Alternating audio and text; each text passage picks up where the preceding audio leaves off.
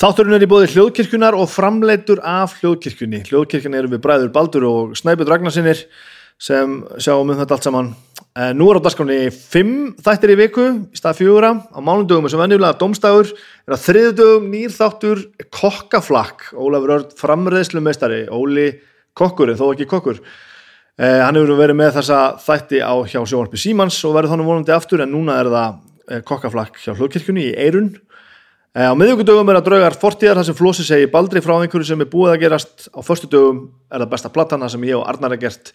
Og Baldur bróður minn tölum um bestu plötu, hljómsveita og tónlistafólks en í dag er það ég Snæbjörn sem tala við fólk. Þetta er þátturinn Snæbjörn tala við fólk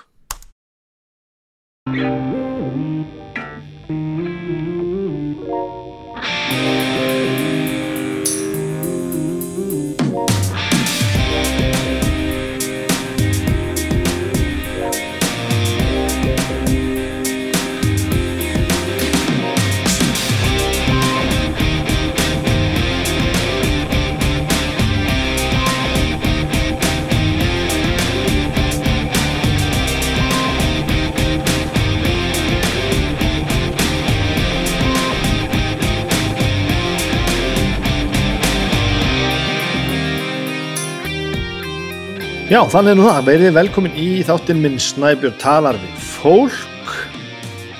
Það er alltaf gerast.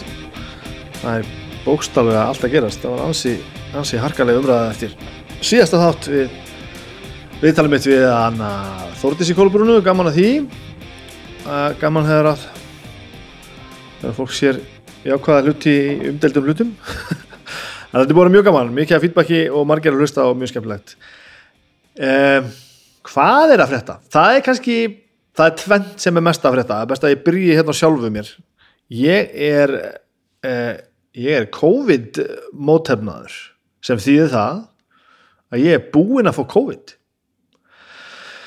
Sem kemur svo sem ekkert alveg á óvart. Við hérna okkur grunaði þetta nú. Við fórum loksins saman í hérna mótefna mælingu ég og, og Agnes ef þið eru að pæli að gera þetta sem þið skulu gera, ég myndi mæla með allir gera þetta fara bara, við, við enduðum bara á hérna á Domus Medica bara klokkan hálf tíu á mótni vorum stungin, borguðum fjögur þúsund og eitthvað á kjaft og fengum svo bara e-mail sko, í alvörunni þremur klukkutímu setna það sem að í ljós koma, við vorum bæði positív með mótefnið. Um, við okkur grunaði þetta alveg þetta var mjög snemma í ferðlir eiginlega meðan þetta var ennþá bara einhver undarleg veiki í Kína og þetta var svona aðeins byrjað að dreifast og þetta var í, sko, í februar þá veiktust við bæði eitthvað svona hálfu undarlega, vorum alveg svolítið mikið veik en ekkert eitthvað svona fáruveik þetta er ekki svona, svona skelvingasögur eins og við erum búin að heyra svo síðan en vorum alveg mikið veik ég man að mér leið svona eins og ég væri, mér var svona illt í kjötinu einhvern veginn, illt í veist, húðinni og beinunum eins og oft en einhvern veginn illt inn úr öllu og var alveg ómögulegur. Hafði vita að ég fari ekki í vinnuna hann í einhverja daga sem erum vantarlega bjargað ansi miklu. Eh, og svo fara einhvern veginn svona einhverjum vikum eftir að við erum manni frísk þá, þá fer svona hérna einhvern upplýsinga alltaf í gang og þá er farið að tala um þessi einkenni að hérna, missa bragð og lyktarskinn og við konnuðust helvíti vel við það. Ég er enda að misti ekki bragðskinni ég misti lyktarskinni gjörsamlega og það er ekki nema svona tveir mánuði síðan að það svona myndi ég segja kom, kom alveg tilbaka. Já, einn eða tveir mánuðir. Agnes misti, allt saman þegar og, bragðskinn en þegar við fengum þetta var þetta ekkert upp á borðið. Það var ekki talað um þetta. Svo einhverju vikum setna að fara að tala um þetta og við svona já, við ættum kannski að láta aðtöku hvort við höfum það fengið þetta og höfðum samband, ég held um ég allt haft samband sko fjóru sinnum með einhverju millibili og þar var þá í ferlinu var ekkert pláss og okkur var bara sagt að við kæmust ekkert í neitt tjekk og við ættum bara, bara að fara vel með okkur og bara, við, og bara samagildum okkur og alla. Ef, ef við, við fengjum á tilfinningunum við værum að fá þetta eða, eða eitthvað svolítið aftur eða væru veik þá ættum við hvort þið er að koma ekki ganga útráði sem sagt að við, við varum búin að fá þetta en annars bara áttum við bara að hafa okkur eins og allir aðrir. Svo núna kemur þetta kemur þetta hérna að vera að taka blóðsýni og aðtöða með mótefnamælingar og þannig að við skellum okkur og það kemur ljós sem okkur sem sagt gruna við erum búin með COVID og ég er með mótefni og þannig að og þetta er gott sko, ég mæli klálega með því að fólk skellir sér í þetta og hérna og uh, bara voða óskaplega ágætt að, að vita þetta samaskafi ég var að spila D&D í vikunni og saði krökkunum frá því herru, bara búið með COVID. Sem því það náttúrulega að ég smita ekki og, og, og get ekki smita sem er óbúslega friðþægandi og, og gott sérstaklega þetta að vita að maður getur ekki smita aðra sem er bara frábært.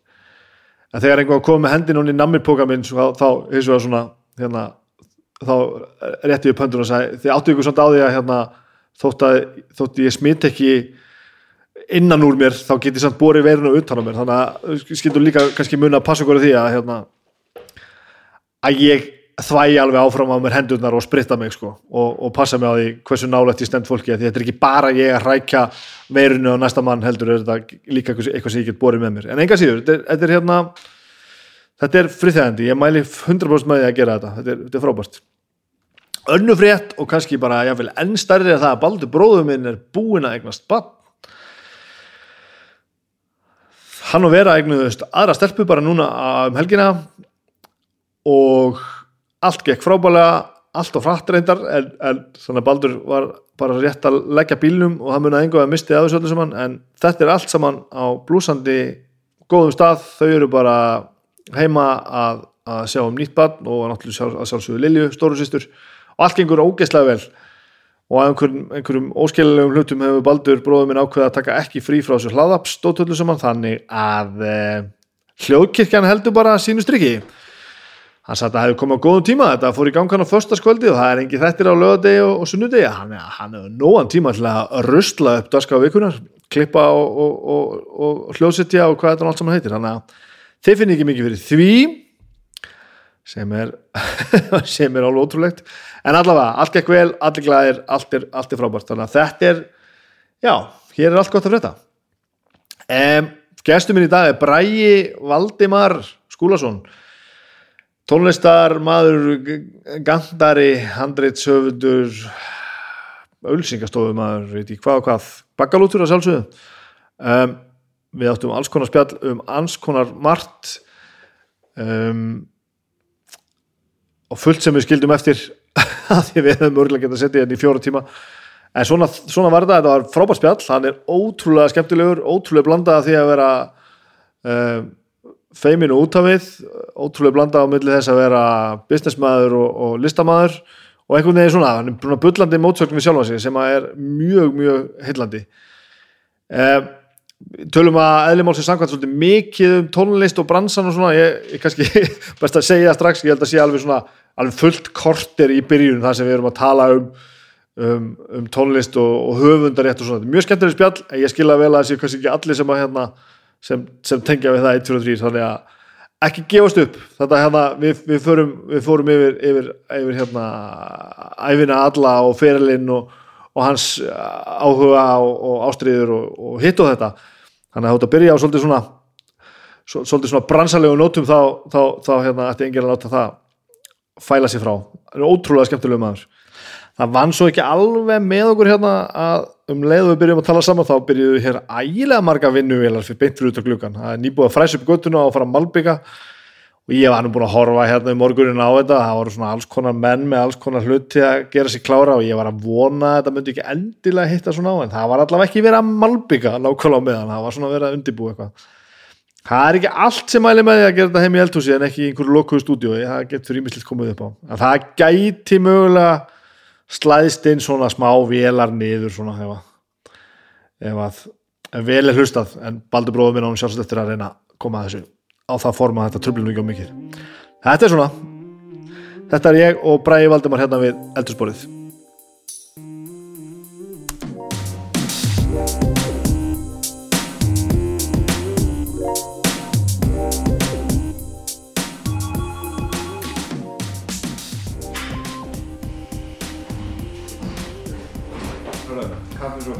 hann er hana sittu hana nei hana ég er hér, ég er ekki sem að gera soundcheck eða neitt, erstu hana? Soundcheck maður máttu bara lifta þessu eins og þú vilt og ba, ba, ba, ba. akkurat og svo bara verðist nánætt og, og baldur bróðum með vill sem er ansi nánætt Já, já það ég er nú ekki með mikið plan sko. Nei, nei. Ég vil bara fá að vita það er aldrei við erum með plan ég vil fyrst og fremst vil ég fá að krifja þessa þessa þetta, hvernig listamaður getur verið svona mikil businesskall eða hvernig þetta fer saman segja. Einmitt. Verður aðeins það sko, hérna eða þú- Það er mér bara, já, eftir að halla með Makidalega aftur hvort Akkurat, þú getur tróða þetta til það er. Já, businessin maður. Ertu, ertu viðskipta maður fyrst eða lista maður fyrst? Ég bara veit ekki hvað ég er sko. Ég hef aldrei veit það. Uh, Ég myndi nú halda að ég væri aðalega svona í sko, sköpunar kall sko svona já, og leiðist þar á meðal út í listir. Og viðskipti. Já, En þú, þú hefur samt, þú hefur þetta samt skapandi frammi viðskipti. Já, þú hefur þetta samt frammi yfir okkur mörg að geta allavega búið eitthvað til úr svo þannig að þú getur, getur lifað. Já, ég, sko, já, ég er náttúrulega líka bara með alltaf gott fólk í kringum mig, sko. Um, og svona læt plata mig allan fjandan sem og svona reyna að velja, velja úr það sem svona er, að, er á leiðinni eitthvert Já, um, Já þetta er skutu spurning En ég veit það. Já, já, en hérna ég, mér er allan, alltaf fundið svona svona uh, hugsunin um sko uh, straglandi listamannin svolítið erfið sko Já. mér finnst það eitthvað svo ósangjant að, að sko fólk sem hérna er að búa eitthvað nýtt til og bara er að skapa og gera skemmtilegt. Og það er ekki alveg eins að geta bara þú veist fengið sér nautakjöldstundum sko. Þú veist það sé hérna bara það sé alltaf, alltaf vesinn í kringum það sko. Já að lókingin er líka engin sko. lókingin er engin sko. Það eru náður fólki sem á að vera bara hafa best og vera með hausinn sem virkast hann og, og hérna er að finna nýju lusnindar og það, þetta er náttúrulega að breytast þú veist, kannski fyrir hundra árum þá vorum svona eftirsóttustu aðilarnir þessi gott að borðið mesta grjóti sko en hérna en núna er núna það er svolítið toppstekið að að kika inn sko svona til að Það er eitthvað skrítið við að allavega ég sagði þess að sögur náttúrulega bara í viðtalinn bara, bara fyrir ekkert lengur síðan. Að þegar ég var að byrja með Agnesi þá var einhver vinnur sem spurði bara á hann ekki fullt af pening? Og hún sagði fyrsta lagi nei. Og öðru lagi af hverju? Hann er svo mörgum hljómsveitum Já, það er svo mörgum hljómsveit. Það er gefa, það er gefa þetta er, sko, er eitthvað þegar bara því frægar sem þú ert held ég því minni pening áttu. Ég held að það sé sirka þannig. Já, ég held sveimir þá sko, þá hérna sko, ef þú væri bara í músík á Íslandi mm. og þá þarfst að gera þá þarfst basically að taka öll gig sem bjóðast já, til að hafa svona, uh, já, til að hafa eitthvað viti upp úr því eins og það, það stendur en þar með það alveg- er jarðafarir og, og, all, bara, það er bara þú bara stekkur við hvert símtal og margir gera það og bara, bara hafa það fínt en það er engin eitthvað að, hérna að mála gull á því sko. Ég er bara ekki neitt sko. Og allir, já, bara svo bara er þetta svo hérna sveiflumundin bransi. Það er að gera í ár svo er ekkert að gera í 15 og svo hendur ég eittir í júnión og, og nær, nærðan í sveiflu. Þetta er þú veist, þetta er nú ekki hægt sko, en hérna e, fólk náttúrulega bara heyra að þessu á ástriðu og, og hérna og feeling, Já. það er að vera feelingur. En svo náttúrulega eitt, eitt með listið þetta líka sem er ekki sem er, hendar ekki vel. Við erum alltaf mörg. Já, það er náttúrulega búið að gera svolítið mikið af músík. Þú veist, ef það eru 10.000 píplætingamenn Já. á höfubókarsvæði, þeir fengi ekki allir gett mikið að gera. Nei, það er samt sko þetta er svo víða sem er og það sem er svo sorglegt er svo núna sko, þegar hérna að því að fólk er með svo skrítið hagkerfi í kringu sig. Uh, þú veist, það er að bara vasast í öllu sem er kenna sem er bara með fyrirtæki eða bara eða pípulagnir, þú veist, það eru líka bara listamenn sem eru í því líka. Uh, svo kemur eitthvað svona uh, einhver svona holskefla og þá er einhver ekkert sem grípur þetta fólk sko, þetta er alveg hérna passa ekki hérna bóksið hérna eh, kassan hjá hvað vinnumálastofnun eða hvað þetta nú heitir hérna. Þá svona ekki tekið tillit til þess að fólk er svona þú veist ekkit hvað átt eftir að fá mörg gig á næsta ári sko, þú getur Nei. hakað í það bóks getur áætlað það svona sirka en, en fólk er alltaf að vinna framfyrir sig sko. Já, eða semst, já, já, ég skil ég. Uh, hérna. Býðið býði til næsta skamti sko. Heldur að setja að gera eitthvað í þessu? Ég meina, Ha. heldur að setja að gera eitthvað, gera eitthvað konkrétt í þessu? Það er náttúrulega bara hérna sko það er náttúrulega hægt að búa til betri bransa hérna heima. Þú veist, það er hægt að hafa meiri svona til dæmis eins og einn eða tvo starfsmenn í því að hjálpa fólki en hérna En hjálpaðum við hvað þá? Já, bara að vera hérna að búa til raun og veru tök, bara eins og í Svíþjóð það er hérna gulllandið fyrir tónlistafólk það sem er bara innviðinir eru bara frá upphafi hérna það er verið að kenna fólki að hérna, búið til pop það er kenna fólki bara að búa til kvikmyndatónlist og, og bara kenna þeim að sem sagt, vera í vinnu umhverfi. Já, þú veist, að þetta sé ekki bara eins og vill oft en hérna, allar ekki að fá þeirra almennilega vinnu, þetta sé eitthvað svona dúll og, og, og dund. Að hérna, þetta sé bara vinna og með allir því sem því fylgir. Það er bara hérna, þetta sé svona meiri bransi, bara einhvers konar svona miðstöð sem hérna sem hjálpa fólki bara að hugsa um þetta eins og bara liðubröð sko en ekki svona endaleysir hérna lotto miðar sko Ég held að sé að vera malbygga fyrir þetta gluggan Já, það er fílingur það er ekkert betur en gott malbygg sko. en, en sko, erum við ekki þarna endalust og alltaf að berjast við hérna tókstöður á milli sko er þá, þegar um leið og listin er orðin orðin skip, skipulag sko Já. er þá ekki hérst að fara úr henni? Jú, sko, það, þetta verður að vera kás sko. Það ver, þetta verður að fá að vera kás og það þarf eiginlega að nálgast það svolítið þa þaðan sko. Já, Af því að það er ekkit gaman að skipulagri sko, sköpun sko. en hérna en eh, að því að þá bara veistu einhvern veginn hvað fara út. En það þarf að vera sko, það það þurfa að vera teinar og bara fólk þarf svona sérska að vita hvað það er að gera. Og hvernig það á að fara að því að ef langar að vera listamæður hvernig, hver, hvert er planið næstu 50 árin sko? Já, já, já, einmitt. Og allt þetta.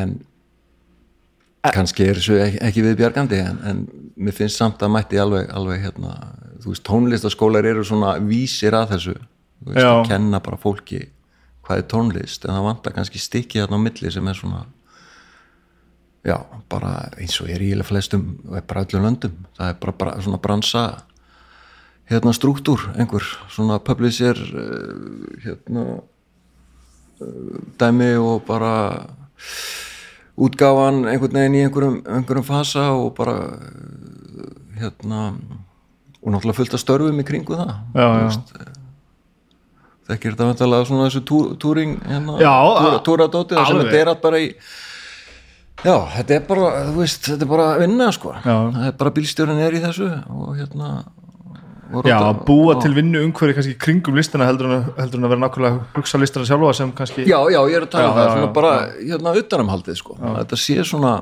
gerlegt einhvern veginn, ekki það að vera einhverjar 50 túr, túrrútur hérna Nei, það er, er alls ekki hérna hægt sko. og þetta finnum að fyrir því þegar maður fyrir út já. sjálfur að, að, hérna, að, að auðvitað snýst þetta svolítið um það að við erum náttúrulega svo lítið Já, já, bara einmitt að hjálpa fólki samt út sko, það er búið að vera náttúrulega rosalega gangur í því, rosalega tökk núna, þetta leggst allt af bara í einu sko, Já, já, nákvæmlega. Alveg spurning hvernig það, það endar, þú veist, það er bara það er bara það er engin tónleikar minnstaðar Nei, Hva, hvað ertu núna? Þú ert, þú ert alveg sýnilegu núna að beita þig fyrir þessu Þú ert í einhverju Já, já, sko, ég, já, það, ég er náttúrulega pínu með þetta á heilanum akkurat núna, sko, en þess að ég er sem sagt, hérna for, eh, formaður sem sagt FTT, hérna tónskáld og textahændar já. og búin að vera í því í nokkur ár og, og sem sagt er líki stjórn Steffs Útskýri nú fyrir mér einu sinni bara er hvernig, er kem, hvernig kemur þetta heima saman? Hvað er hvað að þessu? Þetta eru náttúrulega höfundanir, sko Stef eru höfundanir Ok, Það eru, það byrjaði á því að sko Jón Leifs eh, tók einhver, einhverja sænska formúlu og hérna það er alltaf svíþjóð. Það er alveg sama hvert þú verð er og endar alltaf í svíþjóð þannig. Að það er svolítið mótilið en að eh, bara til að fá einhvern pening og, og fá einhvern pening líka þegar þú ert hættur að semja semja verkin og fáir eitthvað áfram fyrir stöfið þitt, bara eins og verið að leiða út íbúð sem það átti eða eitthvað uh, upp á náðum með sko leiftu svo hérna klassísku tónskvöldin hérna Popperónum inn fyrir því hérna í kringum 80 í kringum 80 já, þetta var náttúrulega bara einhverjir einhverjir hérna aðskotadýr hérna flækjast fyrir utan að heimta penning Vá, en það voru hérna eh, Valgeir og, og Jóiki og, og þessi gæðir allir sem hérna bönguðu þarna upp á og, og heimtuðu á fáfarinn og þetta er búið að vera svona gegnum árin svolítið tókstrætta en hún er nú svona eiginlega farin í dag sko. Þetta er ennþá tvö félög, tónskaldafélagið og, og svo félag tónskaldafélagið sem er svona poppara, poppara e, þessi félög sem standa að stefi sem er svona, inn, það er bara innhendustofnun það er hérna ok. Það, það er verið að sækja penningin, það er verið að banka upp á hjá hérna ljósa ljósa bekkjónum og hérna eru þau varst að spila friður gómar, já, það varst að borga. Hérna það er bara, þú veist, verið einhenda gjöldin og deila eins og hérna út til hérna höfunda uh, svo er annar, annar vingill á þessu sem eru flytjendunir það er, það heitir SFH og, og hérna, það eru þetta líka með stjættafélag eins og FIH, félag íslenska hljóðvistamanna það er meira sko svona kannski flytjenda tengt og en, ég er, ég er svona að væplast höfundamein Er- nú lendur við mjög oft, oft í þessu tólestamenn eins og ég. Já, að ég er alltaf að taka á raurum vassanum sitt í hinn sko. Já, ég, ég sem, sem flytjandi er að borga mér sem höfundi. Já. Sko þetta er náttúrulega þetta getur alveg verið svona en þú ert samt að græða sem höfundurinn þú. Já, já, Það- og, ég, það og ég, ég er ekki sko. kvarta Já, ég er alls ekki kvarta en, en, en, þetta er sko þegar þú ert að en þetta er náttúrulega líka bara hvað gerist eftir eftir 20 ár, hvað gerist hérna 30 árum eftir að þú ert farin Já, sko. já, algjörlega. Þú veist, það, það, það er svolítið svona grunnpælingin í þessu að, að það sé verið að halda utanum einhvers konar eignarétt á, á hérna og það er þetta bara núna nýlega sem hérna þá samþykkt eh, að eh, sem sagt, af höfundagreiðslum þá greiður já, en ekki bara tekjuskatt. Já, ok. Þá er bara litið á þetta eins og fastegn eða, Já, já, eða já. bara eign. Og það er veru fyrsta landið í Európu sem Já, bara, ég held ég bara nokkurn veginn fyrsta landi í heimi sem hérna lítur á þetta þannig. en ég held að við séum komin, komin á sömu, slóður og vorum áðan þetta með að businessvæða sem ég held að sé gott sko. Að því að ég sem einhver gutti sem er einhver hljómsveit já, og hef ekki þe- þennan bakgrunn að- að vita nokkuð skapanhut heldur Já. kem ég bara inn í þetta og ég er bara eitthvað, þú veist og dettur bara inn í, inn í þetta og nóg þrjósku til þess að halda áfram með verið hljómsveit ég vissi alltaf af þessu öllu fyrir árum, nákvæmlega. sko, bara ég, þetta er bara, þetta er lært, en, lærð en hegðun. þannig allir skilum maður ekki neitt sko, bara, er ég ekki bara hljómsveit og svo Já. allir það er bara, herru, þú ert að fara að borga hérna Já. fyrir lögin þín sem múst að spila tónleikum Þetta- og- já, já. ekki komum við ekki þannig að því að það þarf einmitt að fara að búa til struktúr utan um þetta svo við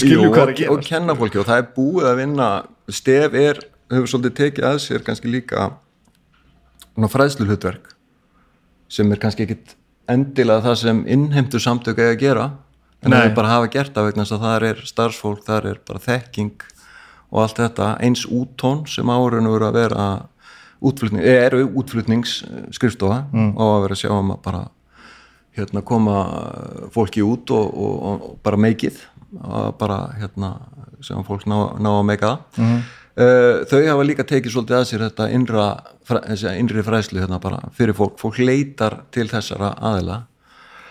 Uh, eins og komið núna eitthvað sem heitir tónlistaborgin Reykjavík sem er mjög flott verkefni. Um, og það, það eru svona líka tónleika staðinni konur inn allir þessi staðir eru svona vísir að þessu. Já, já, já. en það vantar svona stykki þar sem bara þú byrjar í hljómsveit og maður finnir þetta alveg á krökkum núna þau vilja vita meira uh, og það er bara hérna þá mætur þau bara á námskeið svona já, en ég meina það er Já. frábært já og það er það sko og þetta fyrir bara nokkrum árum var þetta bara ekki uh, og þetta leit þannig út fyrir mér í alveg tala Já. að ég sem að því að þá sá ég þetta eins að vera flytjandi og, og tónsmiður að því að ég var bara að semja lög og flytja Já, já, fyrir já, mér já. var þetta sami hlutur Já, sko. já. þetta gerðist oft um leið sko. og þá var mér bara gert að borga að því ég var að spila tónleikum Já. Borga einhverjum að Já. því ég var að spila lög Já. en það vildur til að, svo til að vera lögin mín Nákvæmlega. og svo fekk ég aðeins minna tilbaka. Já, og þá, það, þegar maður ekkert veit sko, þá er þetta náttúrulega glórlust og maður bara, já, þetta er sko, já, en til lengri tíma gott og uh, þetta sem þú fær minna tilbaka, það fer einmitt í þennan struktúr, þetta er nettur kommunismi í þessu sko, sem er bara uh, mjög gott, það, þú ert raun og veru að hérna leggja ákveðin skatt eða skerf eða bara stuðning við þetta svona umhverfi Mhm. og, og bara því að halda þessu kerfi lifandi og líka bara að komi eitthvað nýtt upp sko. Já, já, og þetta er sko þessi hérna þetta sem dregst af þegar það er búið að rífast um þetta í 100 ár núna í, á Norrlöndunum þetta er mjög, þetta er mjög norrænt mótel ok.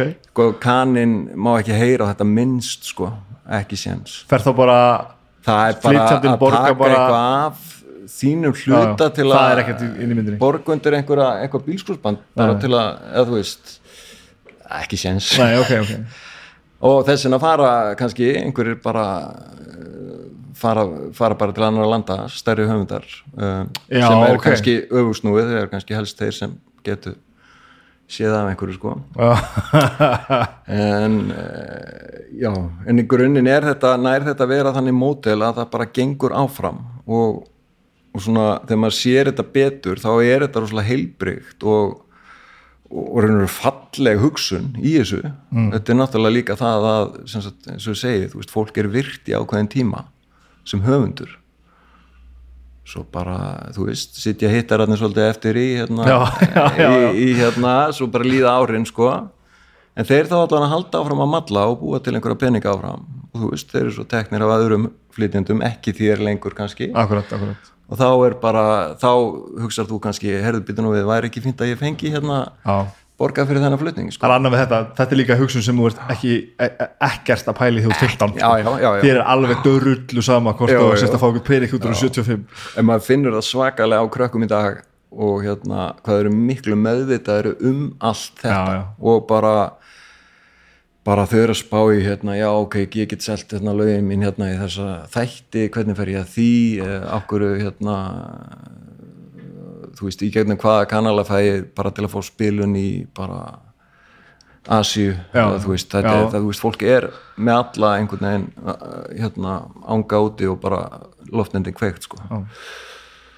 en já, ég, þetta er mér finnst þetta spennandi, mér finnst vanta svona, kannski svona já, einhvers konar þróunar stikki þarna inn í bransan okkar sem heldur utan að með það Þetta alltaf var ekki til þegar við vorum og svo var annað sem var lí- allt í lagi að nefna líka að þú að tala um hennan, er skatt sem er tekið á okkur hérna, að, hérna, að það er ekki fyrir núna síðustu ár sem mann er líður eins og að að sé eitthvað að gerast. Ég ætla ekki að fela að Stef, var nú ekki var nú ekki vinum hans fyrir nokkur, fyrir nokkur mánu síðan Nei, ég, sko, Stef er samt að reyna að vera vinnur, ég sko. hugsa það að margir hafa verið að reyna en, Já, en já. það leit ekki þannig út í Nei. tímabili en að því sögðu hefur náttúrulega eitthvað stórkostlegt gerst bara nýjum síðustu að, og þá finnum maður að allt í einu maður, maður alveg sáttu við að borga þess Já, sko það sem gerðist líka uh, Stef var náttúrulega langstæstu tekjurnar komu inn að plötusölu já, já, já, já, já. inn í þetta batteri og hérna, þú veist, menn seldu bara gáðu bara út eitthvað og það seldist í 15 stendur Já, sko. já, það var bara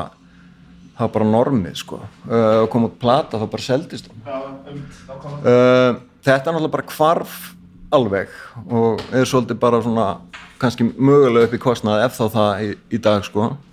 Já.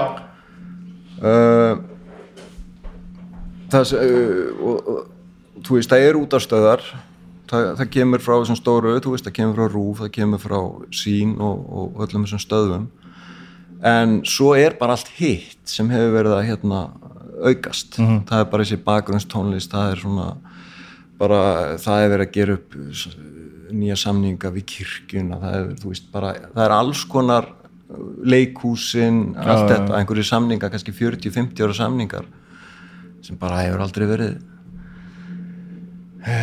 bara litið á síðan sko. Nei, nei. og það verið einhverjar mjög einhverja djóku upp að þér sem maður segja nú Já, já, er, akkurat, já, já, en hérna, þú veist, það er alls konar þú veist, það er allstað verið að nota tónlist spila tónlist og, og hérna.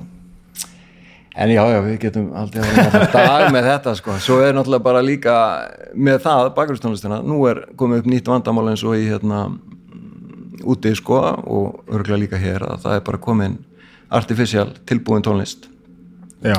sem engin, engin semur í raun Nei, nei, nei, nei, nei, nei. það er bara eitt að taka og það er búin til einhver svona þægileg fróða sem hljómar í já.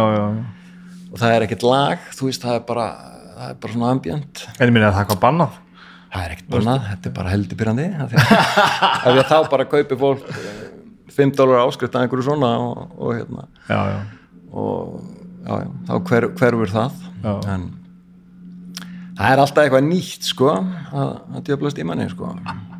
Herðu, mér langar að fa- fara bara nú langar maður að fara bara í Hnífdal. Mér Já. langar að fara bara alveg tilbaka.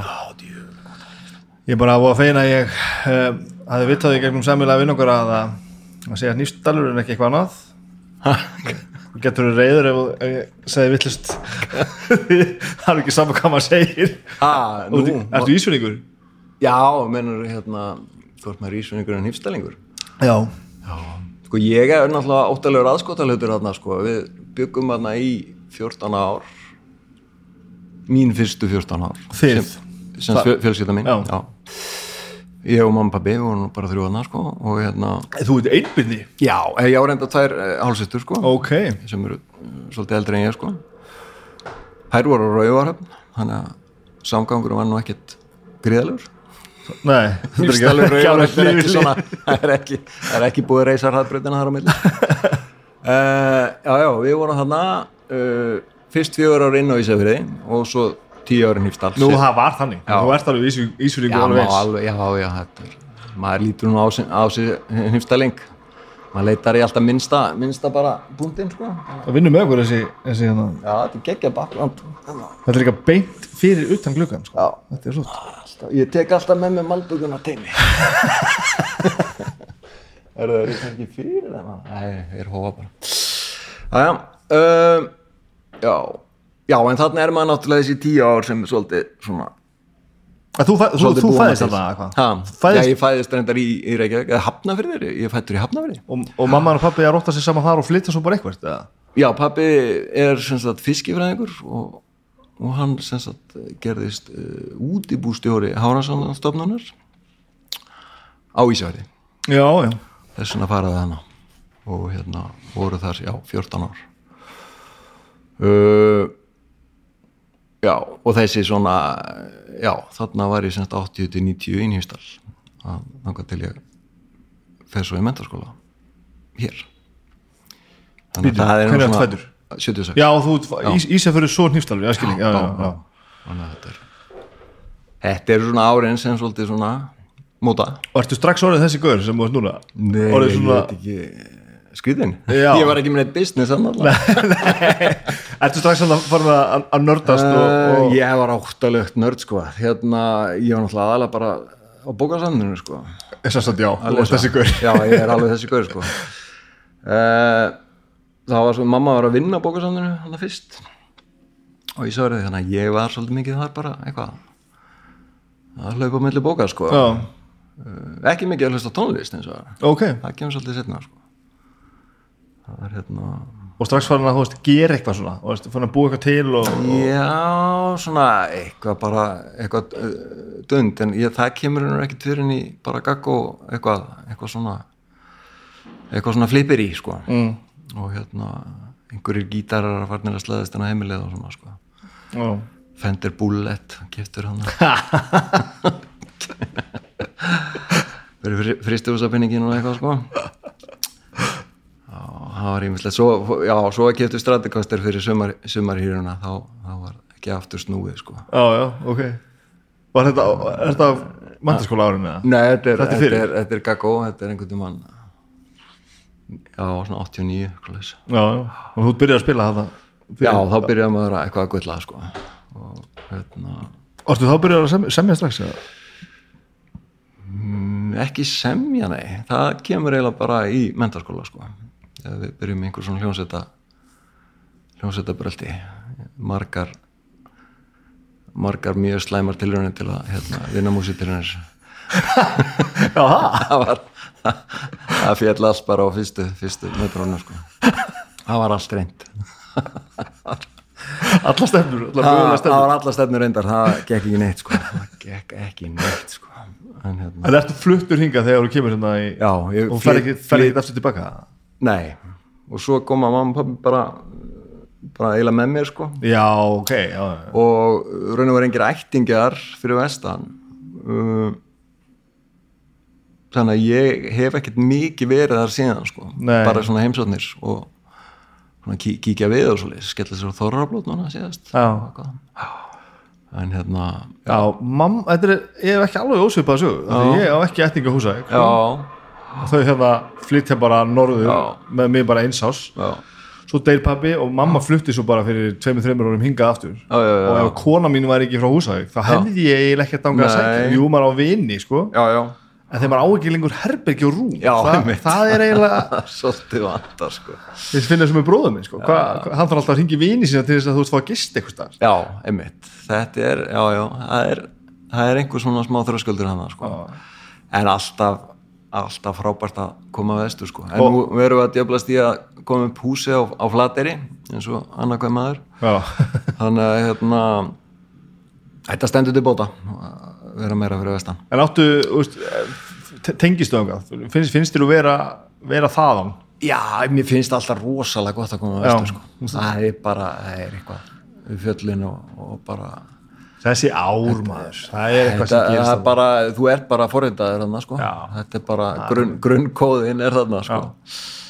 Þannig að hérna, þú sleppur ekkert frá því sko, þarna það er hérna já, kemur þú svo og veistu hvað þú ætlar að gera hérna ekki hugmynd sko. Varstu, ég hérna sá sá Rocky Horror gengið í Hemma Gunn og skráði MH sem fyrsta val í mentaskóla að því að það var spennandi? Já, það var í sjónvarpinu bara. Bara, eða þú veist ég ég kann ekki gera skýringu. Mér fannst þetta, skemmtilegt sko. Hérna, en allavega í þessa átt þá, þú strax að neyja svona já, einhverja svona, það var svona það var alveg byrjað sko. Lista, kýtla. framkomu, vera sniður eitthvað svo já, þetta, þetta þetta byrjar hérna einhvers staðar snemma sko. Já. svo var farið í MH og maður skráði þessi leikfélagið og kórin og allt þetta tótt sko. Já, þú ert alveg í þessu framkomu öllu saman. Já, ég veit ekki af hverju það, það er bara einhver innibi bara að við gerum ekki neitt í tíu ár sko. Og svo bara þurfti maður nöðsynlega Já, bara að vera í öllu einhvern veginn, allt í einu sko. Daldið speð sko. Og, alveg, og alveg að fara á svið með rullu og leika í leikritum. Já, það var alveg það sko og þú ert alls ekki þessi típa ef að tala við Nei, ég bara, ég veit ekkert hva, hvaða flip þetta var sko. Þú veist, ég var hann í einhverju aðalutverki bara í, hérna á síðast árin í mentaskóla og eitthvað sko. Já, farandi með einhverja hérna, einhverja svaðalega hérna monologa sko. Og restin, restin af leikhóknum er held ég öll, öll, öll fræði leikarar í dag sko. en hérna ég veit ekki hvað hva það var eitthvað sem þurfti að brjótast út. Svo eiginlega hvarf það svolítið sko. Semst þessi svo verið, er ég meira fyrir það núna að sitja svolítið aftalega á sviðinu bara með gítar eða hljómbóru sko. Það líður svolítið vel að fara á svið Já, já, mér finnst það- gaman sko.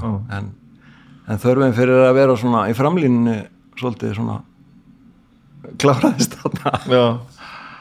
Já, þannig að þannig ertu vantilega að byrja að hvena verður bakkar út til það er einhverju eftir mentaskóla sko. Þetta, þetta bakalústæmi byrjaði enda hjá félögum mínum sko í, einmitt, í MH sko. Þá gáðu þeir út sko uh, einhver svona hefti með einhverju, einhverju bulli eitthvað gáttaslefur og jólaálfur en einhver svona og strax þessi stemning sem komin í það alveg. já, já, bara Snúa ga- út úr og- gallsúrt hérna, já, þeir, þeir byrjuðu á þessu og, og þetta nafn, sko, ég veit ekki ennþá hvaðan þetta kemur, sko þá var, undir með þessu útgáfafélagi bakalótur svo hérna, sagt, heldur það áfram í hérna já, raun og vera eftir sagt mentaskólan þá fyrir íslensku. Og þar hitti ég Gumma Páls sem var reynda líka með mér í MH í háskólanum og eftir íslensku námið þá stopnaði ég fyrirtæki íslensku verkfræðistofuna. Stór, stórt nafn á litlu, litlu félagi. Vorum tveir sagt með enn öðrum úr þessum hóp sem heitir Garðar Guðgjursson þar sem við sitjum upp í teknikarði hérna á háskólasvæðinu og erum að forrita sko vefsíður og þú veist þetta var hann í 2000 Þetta er business, þetta er ekki svona fíblagangur eins og bakalótur Já, þetta átti að vera alveg bara hardcore business Já, sko. ok. og við vorum í svona einhverjum Evrópuverkefnum og ég satt ráðstefnum skipamálingu í Finnlandi þá hvað er rétt skriðinu tvítut, ég er bara, er bara surrealískasta sem ég gert sko. uh, vorum í einhver svona samstarfið með alls konar eh, dótið sko og hérna já, þá vorum við að gera einhver svona þá voru náttúrulega allir að gera vef umsjónarkerfi já, já. og við vorum að rembast í því og förum að setja til að hafa eitthvað inn í demónu, þá byrjum við að setja þetta bull okkar inn í það format sem sagt og hérna, þannig verður þetta bakalúts frétta bara, bara, sem, bara sem tester tilrauna, kerfi sko. en okkur varstu komin í ég bara við vorum sko, þetta var svona þetta var annars vegar að hérna bara að forrita hérna vefsíður, þetta var það var rosalega skrítið var svona eftir að neti kemur og allt þetta. Það voru einhvern veginn allir byrjaðar eitthvað, þú veist, kóða einhver, eitthvað HTML og PHP og hvað þetta heitir allt sko. Uh, og einhvern veginn það var bara svona það sem maður gerði. Og hérna vorum svona líka að vinna sem sko tölfur aðgjafar á átnastofnun sem er svona sem er algjör þversögt sko þú veist helstu vandamálin var, var sko hérna, maður fór nýri kallar og þar var einhver ráðviltur handréttafræðingur hérna, ég bara finn ekki gögnin mín hérna, þau eru föst hérna, þá voru þau föst á svona eh, gömlu floppidiskonum hérna þunnu, þarna, þunnu svörtu, stóru já. já. þegar maður setti bara hérna, hérna King's Quest í á Já, akkurat. sko. sem voru í alvörinu floppy. Já, þessi voru bara einmitt, Og það, það var helstu vandamálin að leysa gögn Word rítgerðir út af úr einhverju prísund inn á einhverjum hérna fétrifum og þarna var þetta líka sko þegar þú keftir tölvu þá var komið ný tölva. Já, já, þá var komið eitthvað hérna Intel 2, 3, 4, 5, 6, 7 allt á sama árinu sko. 286, 386, Já, 486 einmitt. Pentium Pentium Já, 1, 2, 3, 4, 5, 6, já, 7 og svo var einmitt þetta Wow, allt var úrelt bara strax sko, og fólk sem vinnur sko, eh, sko á aldabasis en ekki vikubasis eins og átnástofnir það var ekkit alveg að sko fungera í þessu umhverfi sko. Var, hvernig, hvernig komið ykkur inn í þetta? Hva? þetta kemur nú að því ég var þarna í íslensku um, og já einhvern veginn vélaðar inn í já, við skiluðum sko hérna bíaritgerun okkar uh, sem vefsíðu. Það þótti byltingakend eitthvað völusbá á einhverju, einhverju HTML dótið sko það hefði nú verið betra að gera þetta á pappir það verður kannski til ennþá. En hérna um, uh, já og þe- þess vegna var sem sagt, sá einhver hagið því að hérna var nátt að nýta þennan. Já, góður í, í að hérna, hann allan að kunna kveikja tölvu. Þannig að þetta var mjög furðulegt allt saman sko. En svona, svona enda svona útkoman úr öllu þessu bröldi var einmitt þetta bakalúts ævintýri sko það var svona það eina sem kom út úr þessu. Ég er allan ekki að vinna með skipamálingu dag sko. Hvað, hvað málíkasaga var þetta? ég bara sko þetta var tæknigarður er hérna fyrirbærið þarna á háskólasvæðinu sem, það sem er fullt af fólki bara með skrifstofur. Og þarna var eitthvað komin einhver EES samningur og það var hægt að sagt, fá styrki fyrir vísindarsamfélagi til að gera alls konar hluti. Og það var betra að vera frá Íslandi af því að þá hérna það var svona eftir svona verið að hafa svona smá þjóð með, með í mixinu, það var kannski einhver frá Fraklandi, Þískalandi þú veist, Spáni og svo Ísland haft með og búið til eitthvað svona sam-evróst Já, já. verkefni til að gera eitthvað. Og við sem sagt að því við vorum inn í tenningarið þá hérna var, var hóað stundum í okkur hvort við getum verið svona tæknilegur tengiliður inn í verkefninu. Já, já, já, og það leiti af sér sem sagt einhverja ferðir til Brussel og Helsinki ok. að sitja bara eitthvað sem ég vissi ekkert hvað var í gangi sko og hérna þá var búið að auðsa peningum í eitthvað. Hvað ertu gammal alltaf? þetta er þetta er svona 98, 9 hvað, 22 Já, var að vasast í þessu. Þetta á hér. Og veistu þarna eitthvað hvað það að gera stóru? Ertu bara, ekki og hefur kannski aldrei ég vita var, var ennþá bara eitthvað. Einmitt, ég fór í íslenskuna svona til að bara gera eitthvað sem ég fannst svona skemmtilegt sko. Já, sem er líka mjög sérstætt sko. Að hérna, já uh, en, en þá já, hvað er það mér snemma að mér langaði bara til að gera það sem þetta er skemmtilegt sko. Og hérna, það var kannski mér til haps að mér fannst hlutir skemmtilegir sem öðrum fundust kannski ekkert sérstaklega skemmtilegir. Já, já, þessi pláss já, það er eitthvað svona. En, en, en þú er svolítið, svolítið góður í að, að taka það sem þér finnst skemmtilegt og búa eitthvað aðgengilegt til úr því vantarlega. já, múlega takk fyrir það. En hérna já, ég, það, þetta er þessi blanda af sjúklega nördisma og aðteglis síki sko. Já, já, já. Það er svona já. En, en, Þannig, maður neyðir sérfiskuna upp á, upp á fólk já, en þetta er meira en það þú ert nú Já. samt þú ert nú samt með þetta sko að e, e, þú til og með skifur út orðbræða bók sem að er nýtt, alveg jafn nýttsamlega og allar hundleðilegu bækuna sem er um að sama já, mögulega. þessi Já. lenska að allt sem er fræðilegt þurfa að vera svona fokk leðilegt já, ég er hva, mjög saman hva, hva- hvernig þarf þetta að vera svona Já, sko ég, ég, held ég sé eðli minn alveg svakalegu poppari sko. ég, ég hef bara mér finnst svona pop eh, semst, aðgengilegi hlutir góðir. Já. það er bara já, svona ég hef alveg, þú veist ég get alveg setið og, og hlustað á einhver, einhver, einhverja flækjur og, og hérna og, og lesi eitthvað torf og, svona en, en ég er alltaf hrifnastur að bara mjög skýrri góðri framsetningu. Já, já, mér endaði sem bara auglýsinga. Já, akkurat, akkurat þú veist, einhvern veginn að geta tekið já, tekið flóknar hluti og matrætt á akkurat, skiljanlega. akkurat það er kannski svona kjarnin í því sem ég er að stúsa já. bara á einum ímsu, ímsu sviðum sko.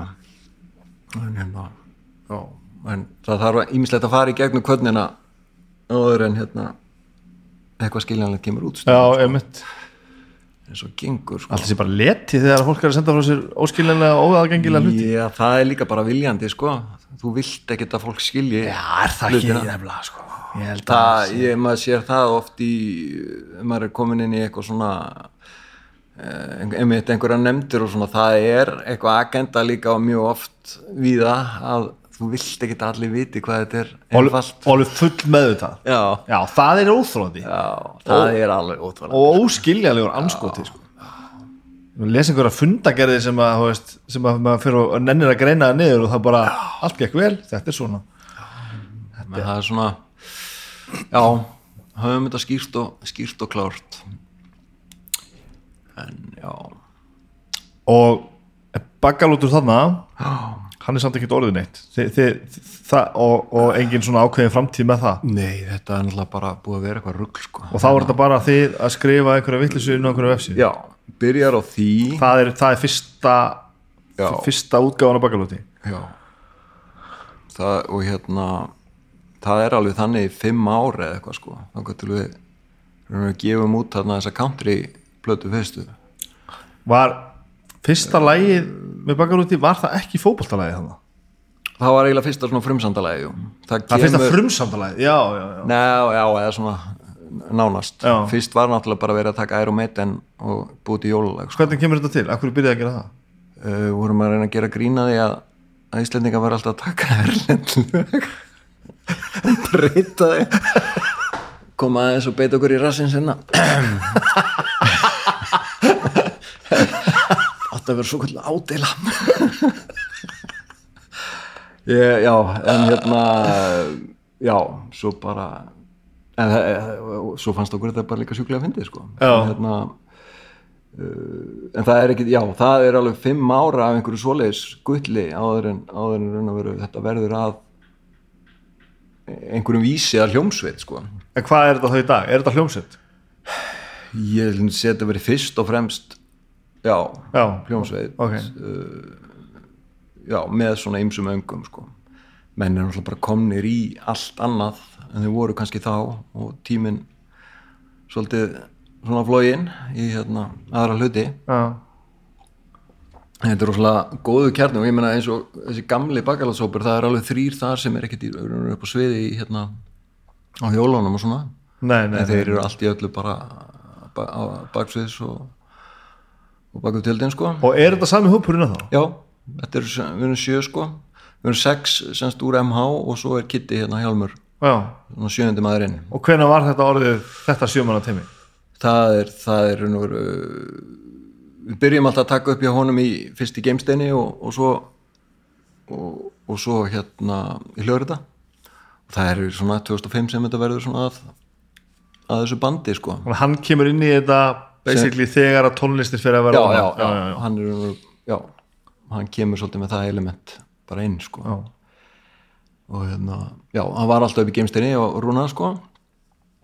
Og Rúni svona hann hatar ekki countryið. Þannig að hérna, hann var byrjað að reddilla sér eitthvað yfir þessu. Eh, hérna, það var líka annað djókur sko hérna, við vorum að hugsa tónlistastefnuna sem væri svona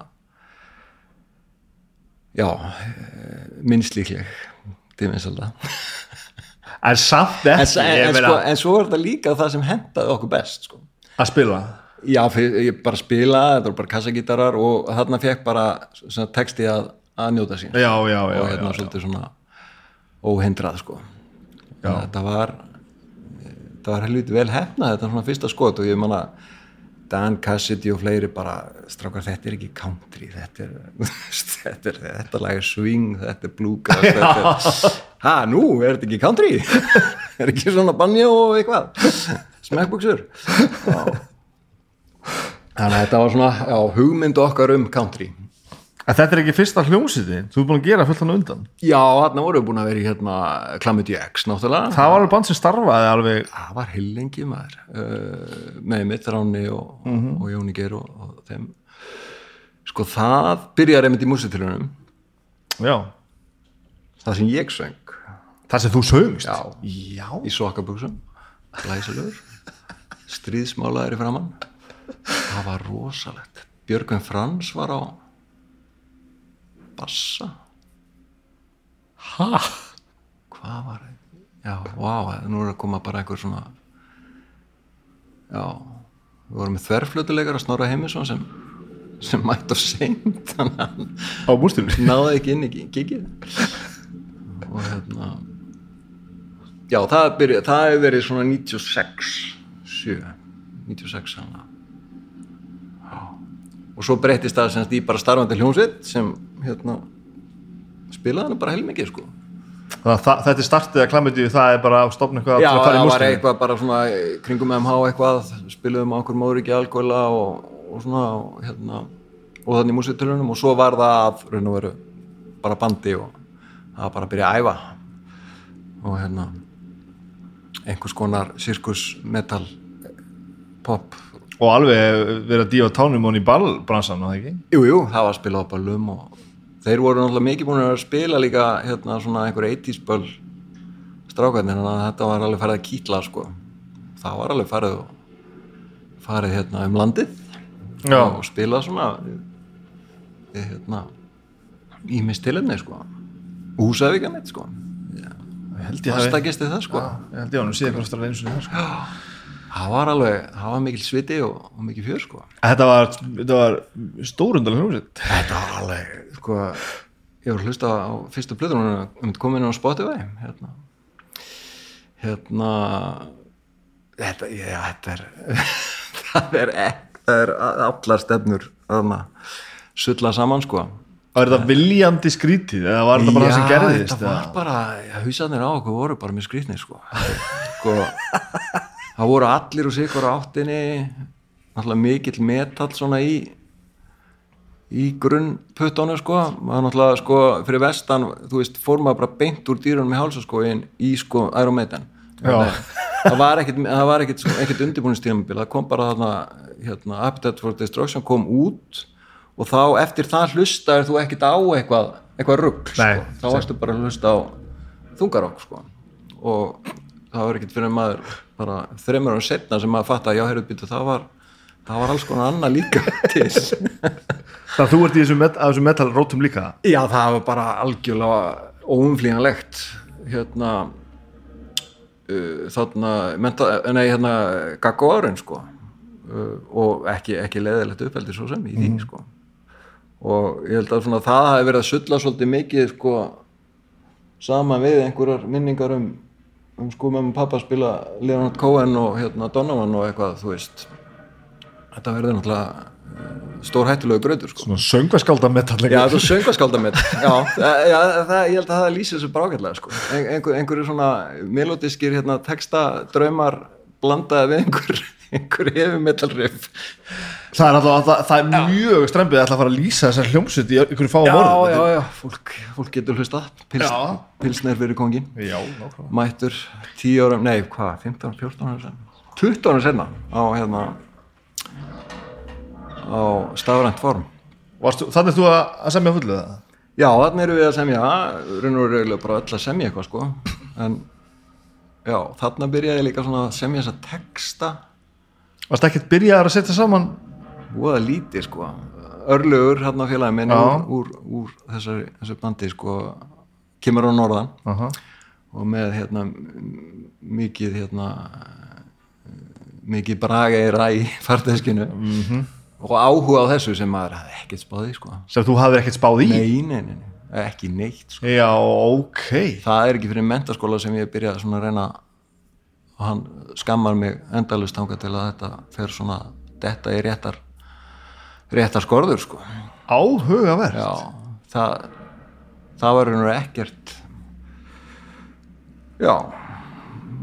Ég hefði aldrei þetta væri eitthvað sem þú þykir bara með Nei, mónana það bara nefnilega ekki sko. Ég, þetta, er, þetta er svolítið bara þetta er bara svolítið áennið sko.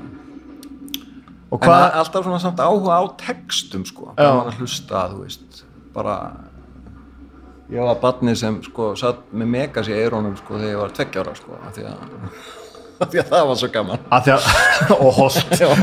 Og, og var það að þér hafði eitthvað að segja bara því að þetta var það var eitthvað bara, ég veit það ekki kannski var það bara bara fræðin eða eitthvað en, en þegar þú byrjar þá að yrkja uh, kanntu þetta þá? Þess að þú áttari á því hvernig þetta er? Já, ég meira, meira bara bara þrjóskast til að læra þetta sko. Og þú þurftir að þú þurftir að fara og láta kenna þér regluna já, já, alveg sko og, og það er ekki fyrir mentaskóla sem ég fer eitthvað að, að hérna, nei, hérna háskólanum sem ég fer að, að nördast eitthvað í þessu sko og, og hérna þegar maður átt að vera hlust í tímum þá er ég að reyna að negla saman drótt hverju vísu sko. Já, já, já. Aft, aftastabekk sko einhvern veginn áhugin, áhugin fór, fór þannig sko.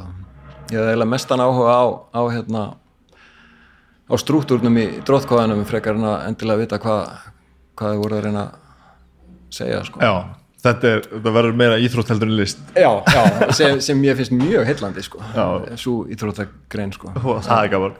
Það væri, væri, já, það væri skemmtilegra það væri aðeins skiljanlegra sko. en hérna, svo er ég alls konar element, kórin hérna uh, MH kórin það er náttúrulega svakalegu skóli í þessu líka.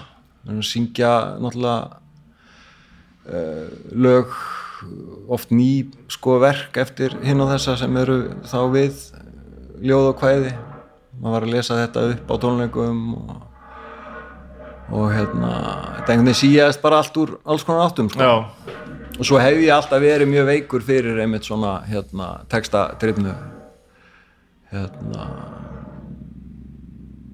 svona músík svona uh, nú eru það bara hérna gamlir countrymen sem hérna nú eru það bara John Prine og hérna Willie Nelson sem sem sleppi gegn á fóninum sko.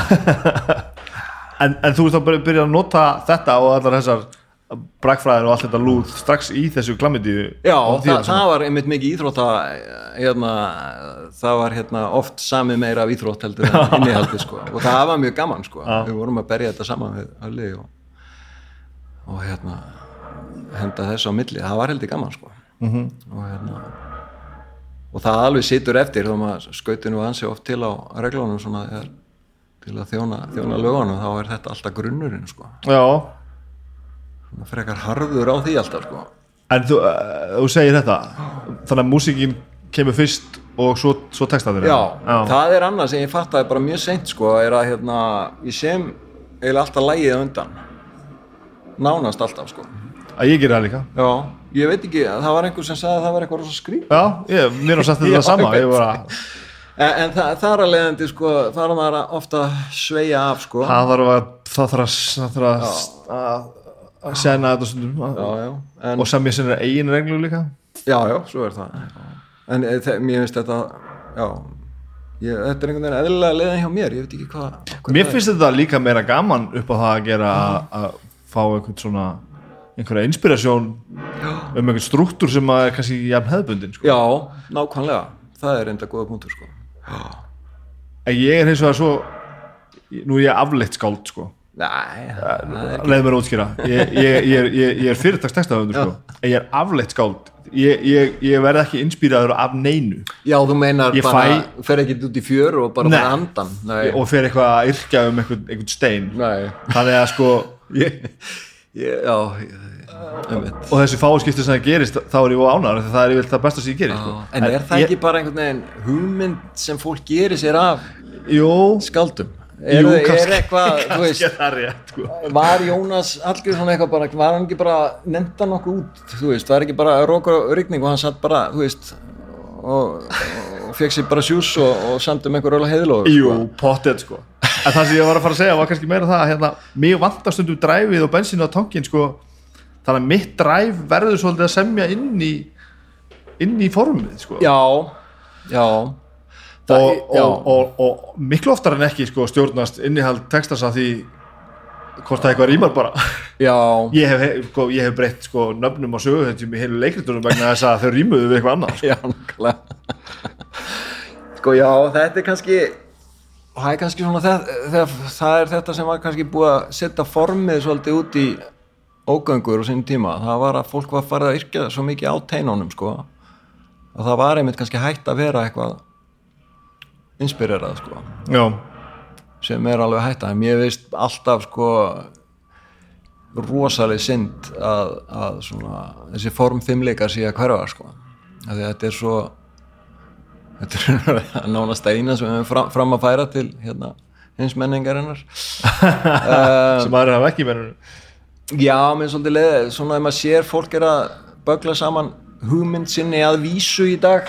Já, og það er alveg horfið einhver svona tilfinning fyrir hérna hrinjandi og svona finnst mér eða svona, Já. það er náttúrulega í ákveðnu kreðsum en þá lifandi en, fólk svona hugsar fyrirbærið vísu eða ferskeitlu sem bara eitthvað einhverja hugmynd sko frekar en að við hafi hugmynd um hvað, hvað á að vera það sko. Já. Eh, sem ég finnst mikil synd sko. Þetta er alveg stór skemmtilegt að lesa kveðskapu eftir fólk sem að ræðu við það. Já, en það er jafn, jafn átakanlegt þegar fólk ræður ekki já, já, einmitt. En já, svona, að- svona grunnregluna séu svolítið hornar sko. Yrkiru eitthvað utan regluna Já, auðvitað regla, Já. já, já, eða þú veist, ég er ekkit rosalega mikið, kannski frekar en þú að hérna, eitthvað setjast niður og, og fá innblástur, sko. En hérna, það er ekki mikið, það, það, ég gerir svolítið mikið af því eins og bara í, bara mentaskóla og hérna inn á bakalút og eitthvað svona á sín tíma, sko, það var alls konar della sem fór, fór þar inn órýmuð og allt svoleiðis, sko. já og, og struktúrlust þá Já, kann- ég held að ég hef alltaf verið einhvers, einhvers konar struktúrpælingar sko. ég er náttúrulega algjör svona orða það sko strúkt, struktúrpervert sko. að ég á mjög þetta og ég öfunda fólki að tala, við gerði kristni í þessum daginn sko, Já, sem bara setja niður tíu orð sem að einhvern veginn já, sem er, er, er engin, engin sjáalega ástæða fyrir þessum orðum. Það er ekki, það er ekki að setja þetta inn í eitthvað template. Og Nei, það er já, og ég hef ekkert já, sko. Já, já. ég, átta mig ekkert á akkur það er og ég geti aldrei gert þetta sjálfur sko.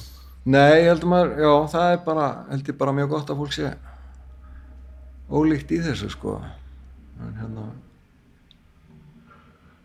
en þú hefur ekki að, að, þið finnst mér að gaman að svona að, að, Já, ég svona bara, þegar ég er að gera þetta sjálfur finnst mér skemmtilega að, að hendi sér í hérna form sko. Mm, og það þarf ekki að vera eitthvað eitthvað, eitthvað fyrirfram ákveðið form sko, það getur bara orðið að formi líka sko. já, svo er það. Hefur skrifað eitthvað annað heldur en heldur en uh, þú veist, eh, hefur skrifað bekkur með bara svona hérna svona vísaða bókum gerum einmitt eða kannski svona bara upp úr þáttunum. Um, ég þýtt svolítið. Já, uh, leikrit og, og barnabækur. Já, auðvitað, auðvitað. og eitthvað svoleiði sko. En eh, það er ennþá ég, ég held að verði einhver ára til að byggja á einhverju skáldsögu sko. Ég ég, ég gaf þóli með fyrir löngum setum við skriftu Nei, ég hef sko. eins og skrifa skáldsögu. Það er hræðilegt. Það er hræðilegt. Það, er, það, það tekur svo langan tíma. Já. og þetta er svo margar mannstundir sem fara í það að hamra eitthvað á tölvuna. Ég var það, alveg orðin galinn sko. ég held allan að mitt svona setup í, í, í lífinu einhvern veginn býður ekki alveg upp á það en en ég sagði þetta alltaf já, já, það kemur skáldsaga og segja það er 30 ár sko, það, minnst að það er ekki komin einn held skáldsaga sko.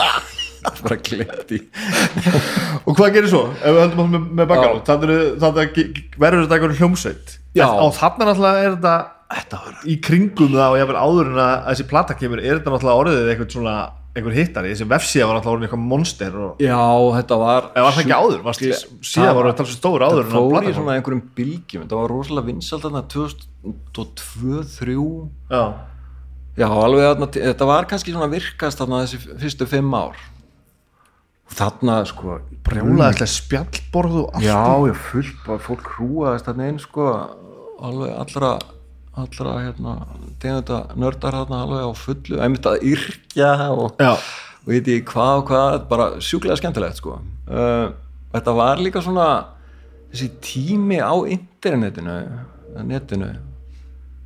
Þetta var algjört viltavestur sko Já, þetta var alveg þetta var bara, þú veist, það var allir downloadandi músík og bíó og þú veist einhverju skelfilegum gæðum sko og hérna það mátti segja allt veginn, það mátti láta allt flakka. Nafnleysi var vinsalt nafnleysi var bara bara bara normið sko. Já, já, það var kannski meira með það og hérna fólk, já, það var sko, sumt sem ég lesa þarna bara, ég bara, ertu að einmitt, ertu að grínast, já, sennilega en, en hérna það var bara allátti flakka, sko.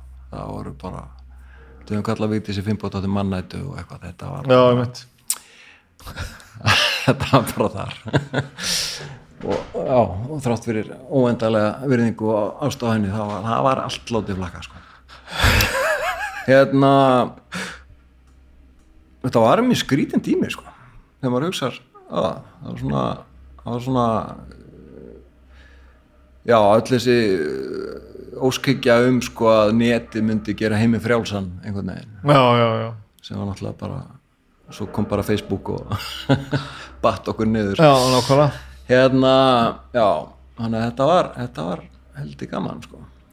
Og það, já, það, þar eru við að sprikla á fullu og, og síðan sérst langar okkur að gera plödu, frumsætta plödu og förum í þennan country, country gear og þar er hóað í allskins bombur til að koma í hérna hljóðrita, það var Guðmundur Pétursson var fenginn hann og, og Dan Cassidy, Jón Skuggi var á bassa. Svíjarnir sem voru aðeins í hjálmum Já, voru þarna akkurat. líka eitthvað og, og hinn eru þessir og það var bara talið í bara held ég á tveim dögum öll platan sko. Grunnarnir sko. Og mér vissi ekkert hvað hann var að stóða veðri En sko. það var bara monster hittari, er rétt, rétt munið það mér að já það var náttúrulega pabbi þarf að vinna lagið sem Rúnar svo söng sko. Var mjög vinsælt, þá hann lag ársins mér að segja. Uh, þetta var rosa sprengja sko. Og Rúnar fleitt okkur hans er hátt í að við svona það var sett sama band og átt að fara að spila og ég, þú veist ég man að hérna eh, spilaðum að Grand Rock bara eitthvað vika eftir að platan kom út eða eitthvað þá hefði engin, þú veist, snert á þessum lögum. Búið, ég hef búin að prenta út svona bunga af hérna af fjórum blöðum með einhverju hljómasúpu. Lagði þetta fyrir menn sko, þetta var sko þetta var svona raukt fyrir viðlag blátt fyrir vers þannig að vera einhver strútur. Svo göstlaðist fólki gegnum þetta og yfir stöppuðu með einhverju grandrokki ekki sko. Ekkert eftir fyrir, fyrir gigið. Nei, það var, var þetta var örugglega alveg stjartfræðilega lélegt sko en hérna og þá var það einhvern veginn til, til þetta, þetta country band, allir með einhverja kúrika hatta og, og hérna og hefðluðumst í þessum gýri í svona tvö ár sko. Og þannig þetta kynnti ykkur bara sem country hljómsveit? Já, bara country hljómsveit, já, já. Alltaf eðlilegt þetta var, þetta var bara stór skríti sko. ég meni fóru til Rússland sem var náttúrulega bara fullkonlega eðlilegt skref, fyrsta skref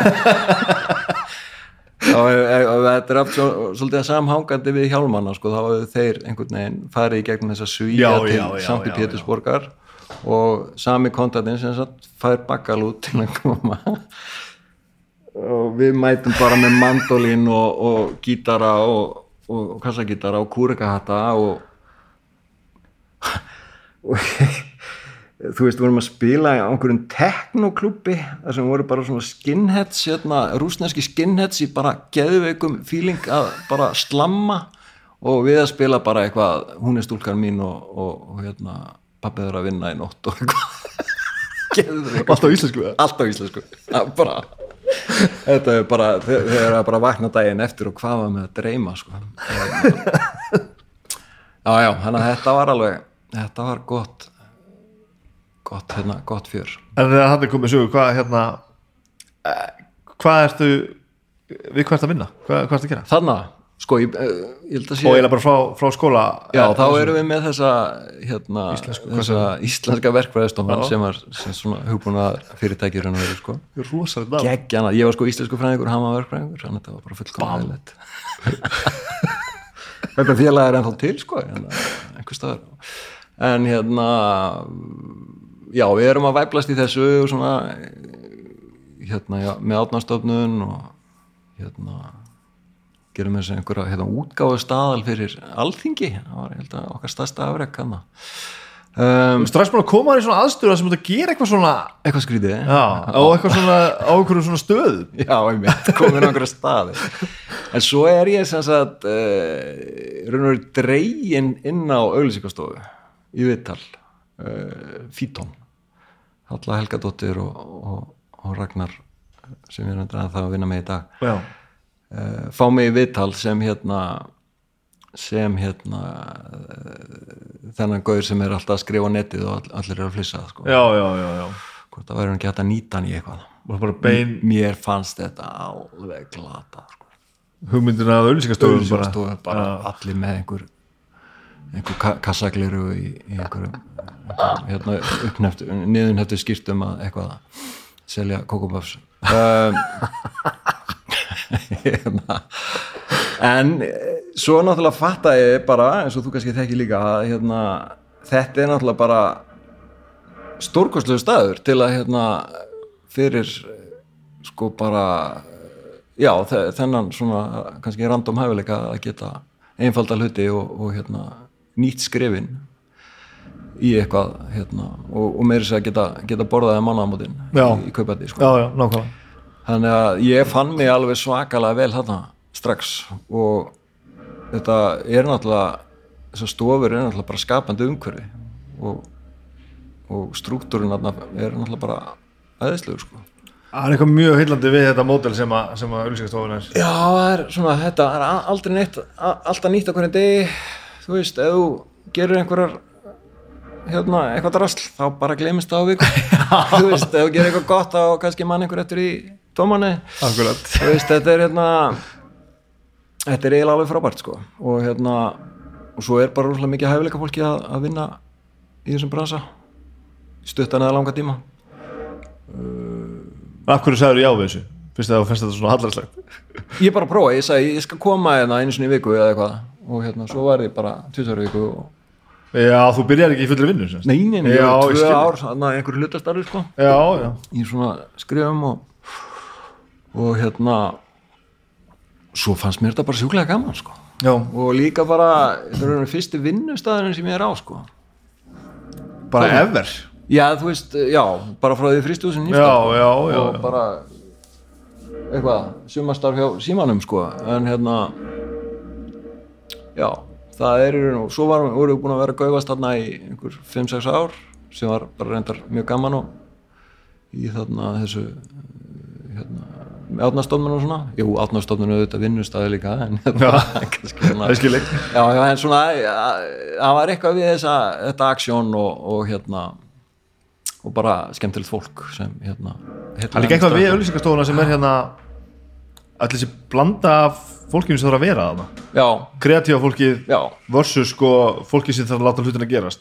Já það er Algjörlega. ótrúlega heillandi Það er- blanda að þurfa, að líka þurfa að láta að ganga upp Já, að, að allir sem er að vinna hann innan, innanbúðar verða að skilja að, að manniskefin hliðin og þeir hugsa alls ekki eins og þú. Nákvæmlega. Þetta er alveg, þetta er reyndar alveg stórfurlut að það gangi upp sko. Það er nefnilega held ég það sem að sko, heila mjög mest við þetta. Það er eins og því að, að verða að búa til hópa fólki sem er eins og ólíkur og raunböru vitni Já. og, og það verður að ganga ekki bara upp heldur frábælu upp, því ef það gengur ekki upp þá er þetta búið sko. nákvæmlega. Það er svona þessi, já, einmitt að stilla af teiminn og, og svo náttúrulega bara fa- svona hugmynd að vinna er bara rosalega skemmtilega og hérna, maður er líka bara að lesa yfir smáletri á einhverjum umbúðum og allt það en, en Já, það er ekki gaman að lesa inn í aðslýsingar á niðursöðu dósum þegar maður vilt vera að búa til einhver mestrar ég, já, ég hef reynda pervertískan áhuga ofta á innihaldslýsingum en það er, það er önnur saga. Það er, ver- það er að versta sem ég geri sko.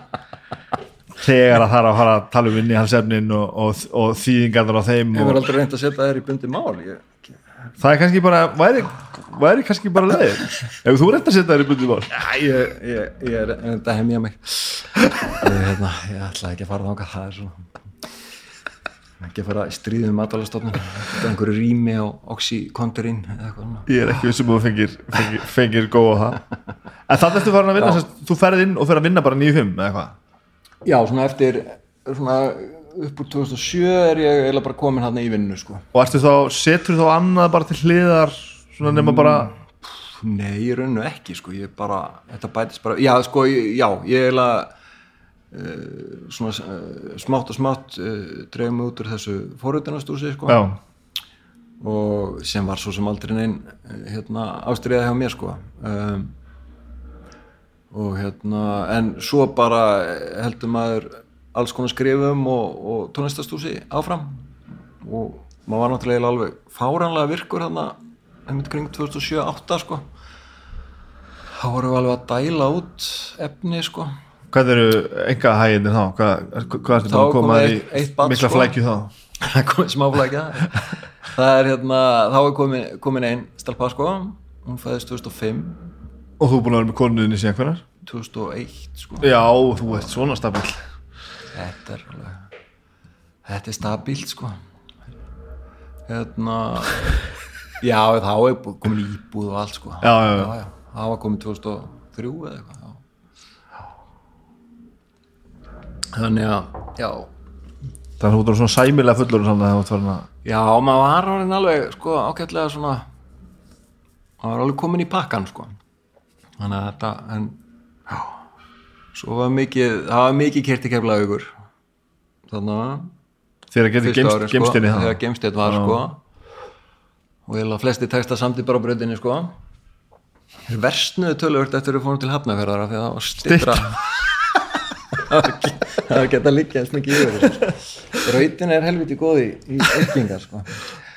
Hérna uh, já það byrjar hvað 2006 förum við yfir í hljóðurita í Hafnafjörði og erum með svolítið svona atkvarða þar varð svolítið til þá er náttúrulega semst hjálmar eru þarna og bakalútur og svo er það sem við köllum bara Memphis mafíuna til að hafa eitthvað heiti á allt hitt. Já, það er bara re Stúsið. reglif yfir allt sem að var ekki komin á Já, og þannig er líka hérna, þeir eru að spila með Megasi, hérna senu þjóðanir já, þetta er þarna strax þetta er allt eiginlega bara sama 2006-2008 í einni, einni hrúu sko, ég veit ekki hvað kom, kom ekki út þarna. Það var eiginlega algjört rugl sko. En sjúklega gaman. Já, og þar eru við samt ennþá með svona höfustöðar eða svona þarna upp í hljóðrita. Já og það er, er ennþá þetta í dag já, já. Við re- rekum það eru nú veru eða það er náttúrulega bara, þú veist, hljóðveri er svo sem ekkert hérna, umsettin þannig. Nei, nei, nei. Uh, fólk, fólk gerir það náttúrulega kemur kannski á klárar eða tekur upp eitthvað ákveðið þannig í, í stúdíónu sko en, já. en það er líka bara að hafa, hafa aðstöðuna. En frá og með þarna líður mér eins og þú hefði bara viðstöðulust verið að semja lög og texta. Er, er þetta er, er þetta er þetta eitthvað öðruvísi eða? sko, það var ógeðslega mikið þannig fyrst sko. Já, það var eiginlega bara rugl mikið sko. Uh, við gerum þannig barnaplötur uh, fullt af bakalúsplötum. Og ert þú að semja þetta meira með allt saman? Já.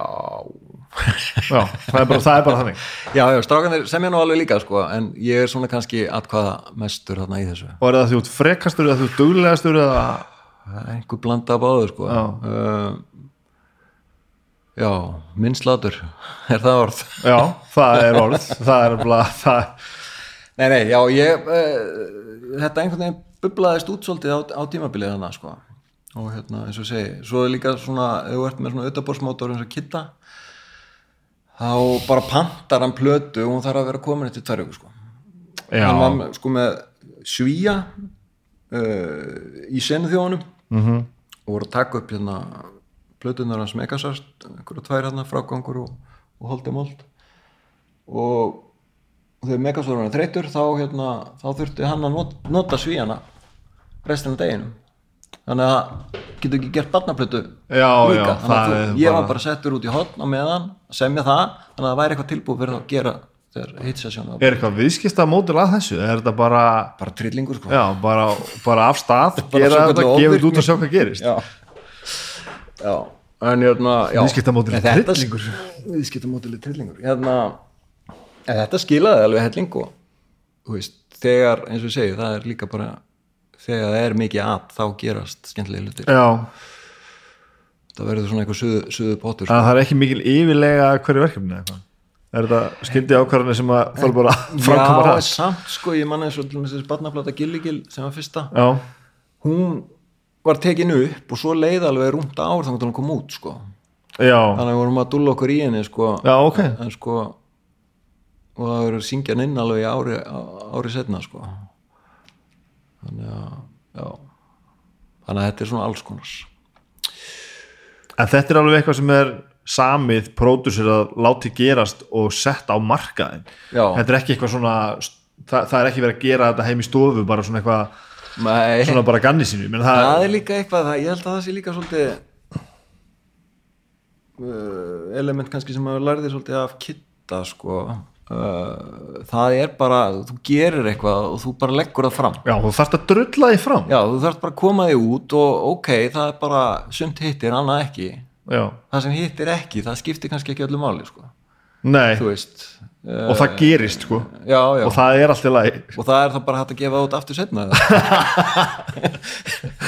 eða? Þú veist það er alveg verið grafinu plög og, og þau bara endurgerð og það er enginn að fatta það þó að hérna, það er mér svo samalagið tvísvara á hérna Solskinni Dakota plötunum sem við gerðum og það er enginn sérstaklega minnst á það sko. það er bara að sé hvort textin og sé hvort söngvarinn og já. þú veist, ok. Það, það sem ég kannski líka að tala um hérna er öll þessi skipti sem einhver hefur leitt mann að heyra eitthvað já, og spurningin er alltaf bara, akkur gerur ekki eitthvað við það Já, svo, já, ég er nú búin að setja þetta á að þetta, eða eitthvað. E- eitt er eitthvað að ætla að ná einhverjum stórkostlegum vinsaldum þú verður allavega að bjóða þig. Þú verður Já. að- að að- að láta þá allavega að vita, herru þetta er hérna sko. Og djöfull er mikið að góðu stöfi sem við farið niður svelgin bara því að það er eitthvað við líka bara þetta að gefa út og gera þetta það er bara svo gott. Það er svo það það er, er svo gefið, eða þú veist þetta er líka eitthvað svona held ég svolítið frá Rúnari. Þarna júl, já, þú veist þetta Gamesteins mótel hans. Sem var uh, hann, hann var bara þarna semst, eftir að hann var uh, búið með trúbrót og allt þú veist, hann bara að fara að vera tónlistamæður spilaði bara alltaf uh, bara allar helgar, alltaf. Uh, og hann var alltaf að gefa út hann var alltaf að gefa út blötur kannski bara nokkur uh, hundru eintök eða eitthvað var að selja þá tónleikum og þetta fór alltaf allt. Svo var hann alltaf meðfram að gefa út hinn og þessa. Já, bara alls konar artista. Bara krakkar og keflaði hann gaf út hérna hérna plötuna okkar hérna uh, hérna þegar Calamity X breytist í hljónstuna kalk þá, þú veist, hann gaf það út veist, hann var alltaf að gefa út hinn og þessa titla og bara það er einhver svona hugssjón sko. Mhm. líka þetta að koma hlutnum frá sér að vera að koma með einhvern grip það sko plötu eða það sem getur bara lagt fram, herru ég var að gefa einn plötu annars sem gerast í þessu er líka það að við til dæmis værum ekki hérna að tala um Calamity X og Kalk eins og við erum að gera núna nema að því að eitthvað produkt var, var já, já, klárað, var, var, var til upp úr þessu. Þetta er svona, sko. eins og, og bara stutt sér átt þetta samtal með veist, gamla punkmandi mitt innvortis að því Já. við dörlum til þess að að setja eitthvað á fast. Já, þá einhvern veginn er það skráða inn í já, það er umtalið sko, Já. að því að það voru sko, örgulega 15 önnur bönd sko, sem á, á sama tíma á, á svipuðum slóðum fyrir norðan að Já. gera svipaðar hluti kannski. Já, en, en það einhvern veginn minningin einhvern veginn dofnar alltaf öðru vísi því það var aldrei og svo fyrir mann sjálfan. Maður er aldrei búin fyrir maður er búin að setja þetta niður. Nei, nákvæmlega sko. og Rúnar líka, hann gaf út semst fyrstu tvær það, hann var hann svona, þú veist rosalega peppandi gæi, sko, hann Já. bara ótrúlegur náungi. Aha.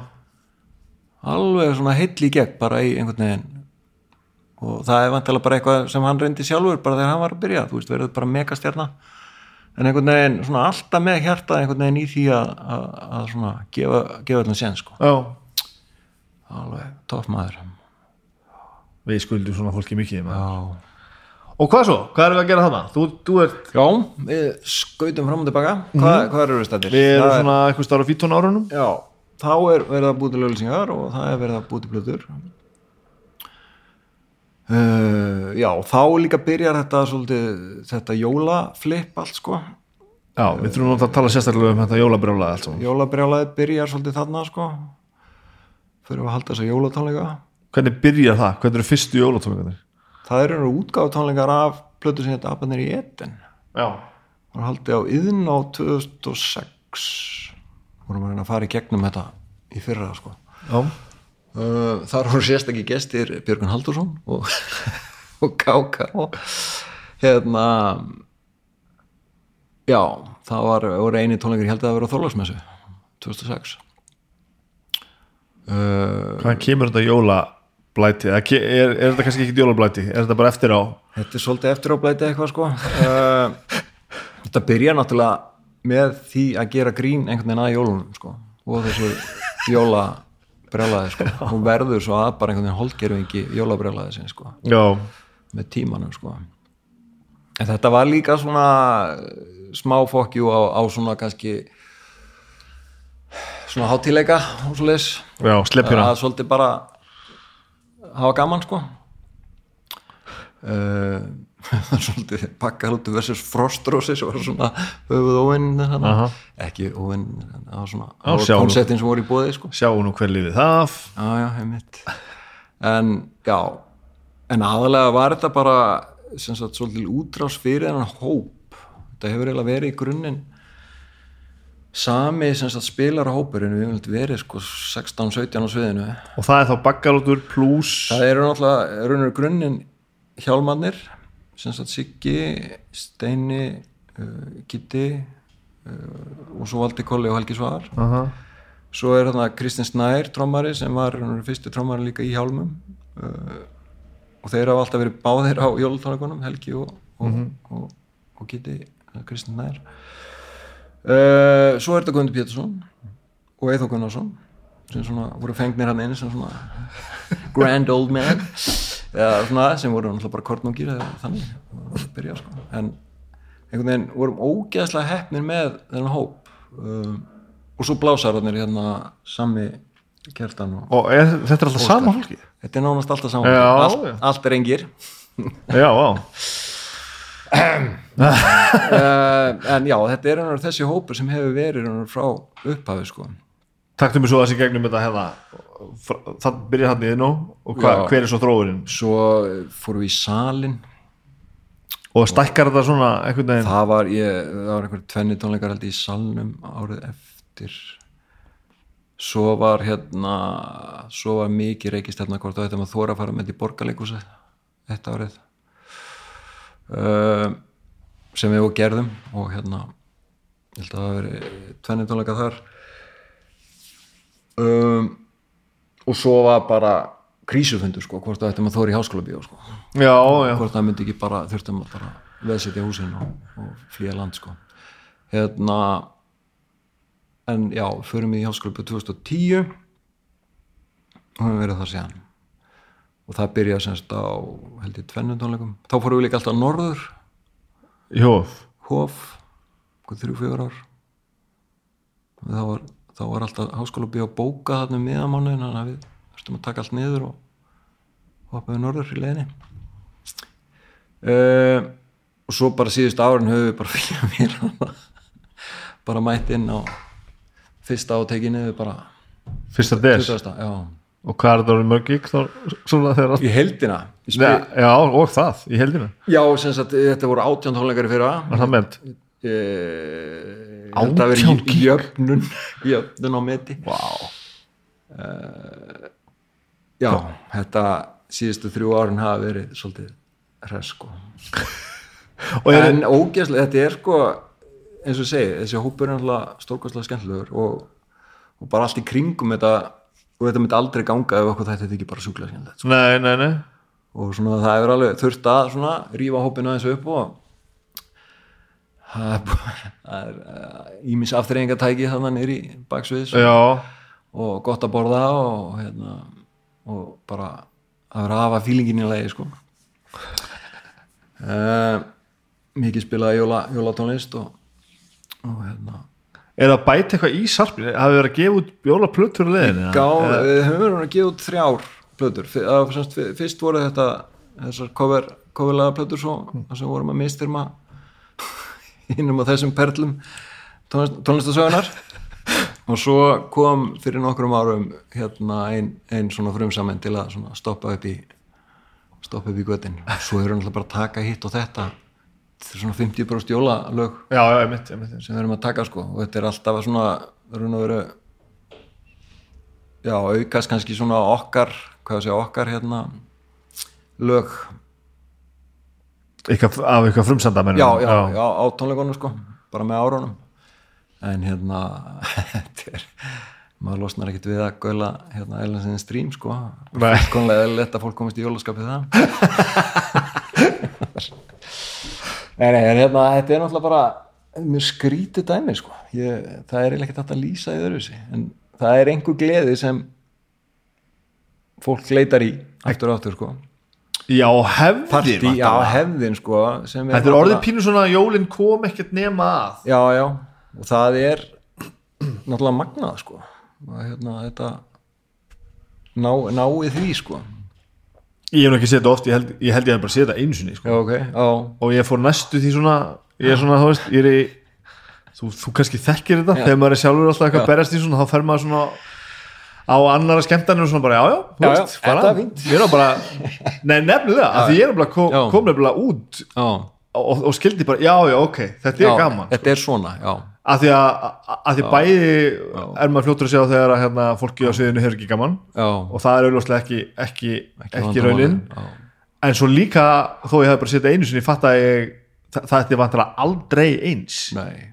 þetta er, þið eru ekkert að, þið eru ekkert að setjast í farið neitt Nei, það er líka annað sem maður náttúrulega mála sig aðeins út í hot með sko. það er allt rugglið sko, í, en það er ekki það sem heldur þessu lifandi algjörlega sko, fyrir þreymur árum fengum við semst japanska blöðrulistamenn til að Já, koma og blása upp dæmis. sviði sko. það verður að gera það, það var þegar Kitty, sko, Kitty kom með þá hugmynd þá bara nei, við erum ekki að fara að fá þrjá Japani til að sitja hérna í desember og blása í blöðrur svo var það bara gert þá var hann verið að túra með áskeri trösta út í Tókjó séð sem svona uppblásið blöðrulistaverk bara í miðri Tókjó, bara svona álengdar þau voru að keira og hann segir svona bara já, vá, þetta er flott. Og segir eitthvað í túrmanagerin sem var sem, japanskur uh, heyrðu, ég var veistu nokkuð hver, hver gerir þetta? Og bara Japanur eru mjög kurteisir og mjög nákvæmir. Og hann sagði nei, ég veit það ekki því miður, en ég skal kannski aðtöða fyrir, já, takk. Já, já, bara, þú veist, þú glemta þessu bara tveimur mánuði setna kemur símtal frá Japan, heyrðu, ég er búin að finna út gaurana sem sjá um að gera þetta listaverk þannig að hérna, við fengum kontakt á, á þess að gaura, þetta var reyndar alveg úkislega gaman sko. og fluttu þá frá þeir Japan komu og blésu þetta upp og svo voru hérna voru strákar hérna sem kalla sig bladraran sem er hérna íslenski blöðurlistamenn sem flakka mellir barnaðamala sem hérna sá að maður haldi þessu við. Vá, en þetta hjekk uppi. Ég, ég held að þetta yrði bara eins og lafandi smokkur á sviðinu sko eftir tvo daga sko. Ég, þetta var eh, þúsund blöður eða tvöðus blöður þetta var algjörlega styrla dæmi sko. þetta var einhver spes blöður, einhver tvöfaldar eitthvað. Ég veit ekki neitt sko. svo er bara, já já svo er svo hefur verið svona special effects skoir baksviðs og verið að sprengja allan fjandan og skjóta niður rjúpur og ég veit ekki hvað og hvað sko þannig að það, það, við, við byrjum semst á, á sumri bara á- á hug- hugmyndafundi Já, það er bara að byrja í janúar sko. svo veit maður alltaf ekkert hvernig það verður í ár sko, en ég, það verður já. eitthvað sko. en þetta er alveg já, já, þetta er orðið ansi fastur punktur sko. og sér ekkert fyrir endan á þið verðið, þarna alveg 70 bara, það er að finna upp okkur nýju. Bara að fá starfsloka saman já, já, þetta eins og ég segi, við gerum þetta meðan það er stemming fyrir þessu sko, Já. Ég held að það sé. Og já, eins og ég segi, þetta er líka bara svolítið fyrir þennan hóp gaman að koma saman, af því að það er, það er valla sko að margir þarna hittist restin af árunum já, þrátt fyrir að alla sem spila mennsku í öll, alls konar öðru. Já, eða sko, þeir, Já, þetta er það náttúrulega rosalega stór hópur sem margir, er já. bara, bara professional hérna bara spilarar, þú veist, Gummi og Eithor og, Mhm. og þetta, en sko bakkalótu sem slíkur eh, spilar ekkert með mikið, sko Nei. það er kannski 2-3 það er farið á græna hattinn og, Mhm. og eitthvað sko og er það gaman? það er alltaf gaman það er, við höfum nú alltaf reynd að fara allan einu svona árið þangað en það líði alveg áraðan sem við spilum í bænum sko. já, það er eiginlega meira að spila fyrir norðan sko. Mhm. Það er unik staður sko. haugur og hans starf sko. bara já, það er eitthvað sem okkur vantar hérna sérstaklega eftir að Rósabæk hvarf sko Já. þú það sé nú þetta til Já. öðru formi í dag já, já. já, það var einmitt þú veist, það var hægt að fara á Rosenberg og mæta og spila sko. Mhm. það er svona þessi tónleika staða flóra er svolítið svona alveg ótrúlegt að þetta skuli ekki Ég er með smá plan, ég, ég get ekki sagt þér frá því hérna í beinni, ég skal tala við eftir það, ég get vonandi að tala meira saman um það eftir að svá mánuði, sko. já, Ég vona að við séum að rétta þetta eitthvað aðeins við þannig. já, verður að Það verður, við verðum ekki að vera einhvers þar. þetta er eh, galið að sé ekki plattform Já. Herru, takk fyrir nú eitthvað. inn í hérna Brandenburg. já, Takk fyrir nú, hvernig, hvernig gerist það? Branden, Branden, Branden, Branden. Já, sko, það er, uh, það er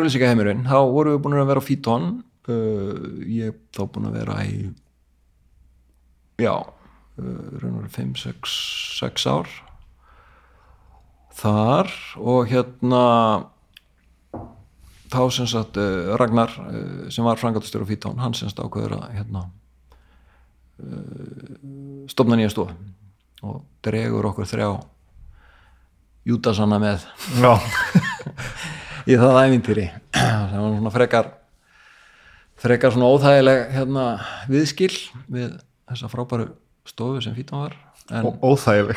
já, bara skelvileg sko Eða, veist, þetta er náttúrulega alltaf hundleðilegt að einhvern veginn já, þetta er svolítið að hætti ljónstinu og stofna nýja sko Já, já. þetta er þetta er bara, já Ég veit ekki um þessu sögur. Svo ég sé nú eiginlega spyrtu saman við já, sem... já, ja, þetta var bara eh, þú veist, eh, sko ég hef nú farið í gegnum hérna auglýsingastofu söguna Mm. í nördaskap mínum hérna að re rekja þessa þræði og þetta er eiginlega þetta er svona þrýr þræðir sem eru alltaf að splundrast og saminast Svona rekstra Íslenska- ís, já, íslenska hérna auglýsingastofu hérna sagan sem er svona frá 1960 cirka. Já.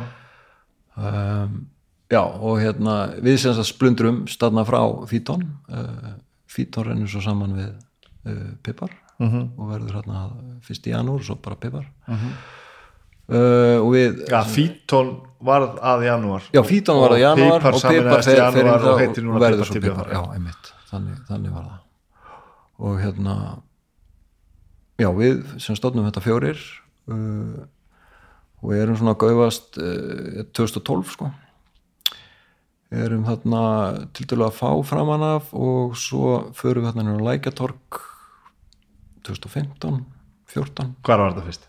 grófinni Já. það heitir bara nánast bara grófin þetta hús uh, hvít steinsteipu hús voru það ráðinni hæð uh, bara hotnin á móti listasandinu Já.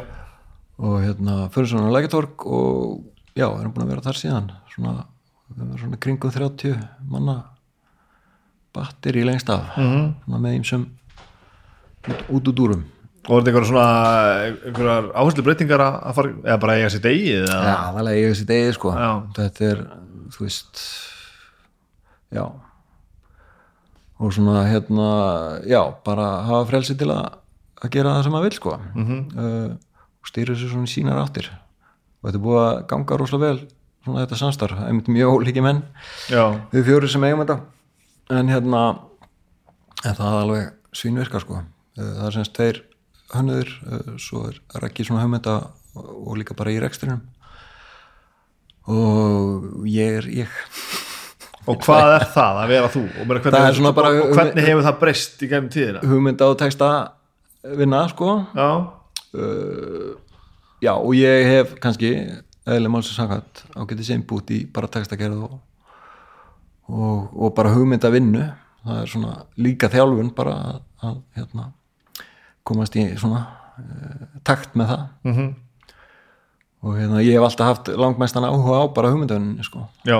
Og svona kannski, bara vera sniður. kannski svolítið horfin þegar það er byrjað að framleiða sko. Já, ég tengi mjög við þetta. Þannig að svona minni áhuga á því hvernig hérna fókus fókusin er. En eh, ertu að mæta í vinnuna á mótnana og gera þetta? Já, og það er svolítið eh, ég veit það ekki, annað anna með mig ég hef alltaf bara verið svolítið í vinnunni sko, þannig já, og bara alveg, alveg já, eða bara alla tíð sko, bara frá því ég var uh, bara frá mig að var látið vakna klukkan 5 mótnan og farið fristúsi í Nýfstall sko, þá hérna bara móka skurðin þú, Það er ert bara alveg, þú ert í því að- ég er bara. alltaf að móka skurðin og, og svo er bara hægt að gera ýmislegt í pásanum sko. já, já, dæmit það er hérna já, og hef alltaf, alltaf verið svolítið þar að bara verið í vinnunni og svo er hægt að gera ýmislegt meðfram meðfram sko. þannig að þú lítur á þetta þannig að, að auðlýsingastofan er vinnaðin já, og hitt er það svona síður, skulum við segja, þá að þetta náttúrulega já, já, svo er bara allt þetta til dæmis félagsmálastús sem er kannski svona nýtilkomið kannski þrjú, fjögur ár þar mm -hmm. er svona bara ofan á svo er maður að þýða leikir á kvöldin og hérna úti plötur um helgar eitthvað. Svo heitir maður börnin stundum. Hvernig stýrir þú veist stýrir tímanum? Ertu ertu að velja að hafna eða bara ekki? Ertu ég bara, var alveg hræðilegur í að segja nei framan af en ég hérna en nú dulegri í sendið. Já, en hérna ég reynir nú alltaf að hoppa á skemmtileg verkefni og, og vona það besta sko. En það er drullu mikið að gera hjá þér já, þetta er svona, þetta lúkar pínu þannig að þú ert já alveg á og ég fullu. stundum alveg bara hvað var ég að gera núna? Okkur, okkur sagði ég já við þessu? Já, en hérna þetta lendir nú alltaf. Flest sko. Uh, ágæðlega en ég hef líka mjög gaman, gaman að að hafa mikið að gera. Já, og góður í því að, já, ég hugsa ég sé svolítið ná er svona að halda, halda boltanum ágæðlega lótti sko. Já, Eh, þetta er ná- verður náttúrulega líjandi og maður finnur það alveg með áránum að þetta er ekkit alveg svona þú veist, mann er ekki endalega sko. Nei. en hérna en, en eins og segi, mér finnst líka alltaf gaman að gera eitthvað nýtt sko. Uh, hoppa aðeins. En samt gengur þú alveg vel að mæta bara vinnuna og, og já, ég, það er einhver bara það er einhver hefð í mér sko. Ég bara, mér finnst það gott að þetta bara mæti vinnuna. Og það er einst það er stundarklúka hérna, já en já, já, svo, svo geta aðrir komið og sagt að, að hann er aldrei, aldrei í sætinu nýnu ég er svolítið svo típa líka sko. Sem sagt að ég er bara horfin, horfin klungan 11 og hérna fara nokkurt fund og bara út af einhver öðru já, eða þú veist, bara út af ymsu sko. Ég er ekkit rosalega mikið bara á skrifstof, eða svona, svona Nei, og situr ekki við endilega. Nei, maður já, er voða mikið bara í alls konar yfir daginn sko. en, en maður skamtar, skamtar það á já, maður reynir að stýra tímanum einhvern veginn. Í hverju ertu lélegur? Hva, hvað er það sem hva, hva, Ég er hræðilegur hérna yðnaðamaður ég er alveg bara limti því að láta mig festa festa hérna skápa vegg sko. Hérna já ég, já, því er ekki mikið, mikið svona verk, verkvitið er ekki mikið sko. Nei. Nei, sem er kannski bara sem er kannski ágætt en ég er mjög duglegur að bera hluti og hérna, hérna ég, ég er mjög svona já, íðinn en þú hefur að því já, svo er ég ekki góður íþróttum sko. ég, ég, ég get verið að synda og, og hjóla og svona en, en ef ég þarf að hugsa um hérna einhvern, einhvern við hliðin á mér að gera eitthvað annað þá þá fara fætunni bara eitthvað. Ástæð fyrir spyrsat er eiginlega það að þú veist þú veist, er bara lýsa einhverju svona bara já, þetta er alltaf allt saman gengið mjög vel. Bara ég er búin að sömu konu í 100 ár og svo bara fór ég að vinna með þetta og svo stofnaði ég bara fyrirtæki og já, svo er ég vinsunustu hljómsett í, í heiminum og allt hefur bara gengið vel. Já, já. og er þetta bara svona? það hefur mjög margt gengið vel og upp, en þú veist það er búið að skjóta alls konar út í loftið sem bara gleymist sko. Og hérna en það, ég, það er svolítið bara búið að vera að gera eitthvað mjög lengi sko. Og, og, og svona líka það sem gengur vel maður reynir að byggja undir það sko. En enga brotlendingar eða ég veit að það hljómar sem sína fiskengur hræðilega sögur. Ég er mm. svolítið eiginlega ekki að því að það er ekki, ekki komið börnáttið og hérna taugáfallið er ekki en það komið sko. Já. Og einhverjar svona vondar ákvarðanir sem bara enda, enda ekki bara í einhverju sem verður ekki að neinu heldur Vondar bara, fjárfestingar, nei. Já, húsið á flatiri, nei. Nei, það er ekkert hérna það er, eins og ég segi ég er held ég síðan frekar svona varkár og svona leiðilegur í grunninn sko, með Já. svona eh, svona eh, ævintýra hérna þrána sko ég er ekkert mikið að, að fjárfesta í hérna í glitni og einhverju sko Nei, þannig að svona flippar með fast undir fótum. Já, mér finnst svona eiginlega bara skemmtilegast að vinna í mínum eigin verkefnum og kannski já, svolítið treysta á fólki í kringum mig sko. Og ve- velja kannski vel þá sem eru. En þú sagðir þetta á, að það voru gott fólk í kringu þig. Já, Eh, Gerist þetta? Eða raðar Nei, eða sko ég raða svo sem, jú, jú, kannski einhverju leiti en, en líka bara, þú veist maður er svona eh, hvað ég að segja, hérna fagmanna fíkil, sko. Já, sagði ég nú einhvern tímann. Hérna, það er rosalega gott eins og ba- bara geta treyst í aðlappinu svið með hérna jólatónleikana og þú veist að það er, Já, bara, já, það er allir gersanlega með þetta 110% sko. uh, en það getur líka þú veist uh, stundum vanta einhverja áhættu í, í, í, í þetta en hérna en, en þú vilt svona hafa fólk í kringu þig sem þú treystir og Mhm. kannski hugsaður svipuðu nótum að þú já, Já, og eins og með þetta auglýsingadót þá eins og ég segi, við erum mjög ólíkir en þetta virkar einhvern veginn sem hérna, svona heild. Og er þetta því fjórir að re- að rekka þetta alltaf? Já, Já. og svona náttúrulega emitt með góð fólki. Já, þess að þið eru við Já, við erum, við erum ennþá veginn sko og hérna, en hérna, það eru margir sem koma að, að því auðvitað. Hvað, akkur fyrir svo að beita þið fyrir þessum núna réttindamálum og því öllu saman? uh, Jakob Fríman það bregum við svolítið Það var eitthvað sem kom að, kom að máli við þig. Hann svolítið kom að mála um mig. Hérna, hann fylgdi með húsnæðinu á Brandenburg, fyrsta. Jakob, hann fylgdi með, hann, hann var það leiðandi og, og við bara svona, hva, hvað er með herbyggi þarna, erum við ekki að, eða, jú þeir erum það en Jakob er þar. Já, ok, frábært. Sem er enda frábært af því að hann náttúrulega ótrúlega skemmtilegu sko, hann er náttúrulega alltaf að sko, já, við lært ímislegt á honu líka sko, hérna hann var sem sagt er sem sagt fyrirverandi formaður eftir tíð. Já. Og svona drómi svolítið inn í þetta starf var hann að vara formaður fyrst og, og, og svo formaður og það svolítið leiðir af sér. Ertu formaður eftir því? já, ég formaður það núna og sem sagt stjórnar formaður stefs í augnablikinu. En þetta, það er svolítið róterast sko milli félagana og hérna það er svolítið samhangandi sem sagt af því að félagin standar unnur að stefi Já, og hérna já, það, ég myndi segja að hann, hann byrja nú svolítið ábyrðan á því að ég er í því stúsi sko. Og hver er köllunum að fara að gera þetta? Bara að reyna að hafa hlutina betri? Ég, sko mér fannst þetta ég var náttúrulega forvitin fyrst. Af því að eins og þú segir sko maður veit ekki, veit ekki neitt hvað er í gangi sko. Ekki raskat, sko. Og ég er hérna við höfum lagt svolítið áherslu á þetta að reyna að fræða fólk. Þú veist, vera með námskeið í því líka bara hvað þessi félag gera og til hvers þið eru Svo kemst maður aðeins leiðum að díu nefinu aðeins og niður að, að, að það, er fullt hægt að gera. Það er að hitta hinn og þessa og fá alls konar álíkingar og, og hjálp við hitt og þetta. já, og stef hefur verið alveg rosalega mikil, mikil sá stað, staður og svo er bara alls konar eins og bara samstarf við eh, sko, sýsturfélögin eins og Norðurlandum Já, og það eru náttúrulega samtök höfunda í hverju landi. -hmm. og Norðurlanda þjóðunar hittast alltaf einu svona ári.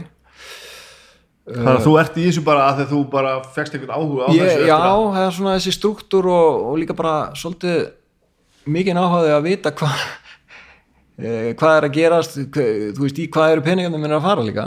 Já, mér finnst að já. fólk megi alveg stundum uh, hugsa svolítið meir um það. Ekki bara blótaði að sér að taka peningar já, til dæmis eins og þú veist, þegar maður uh, var að gefa út fyrstu plötnur bara hvað er þetta stef að taka peningarnir minn? Já, já.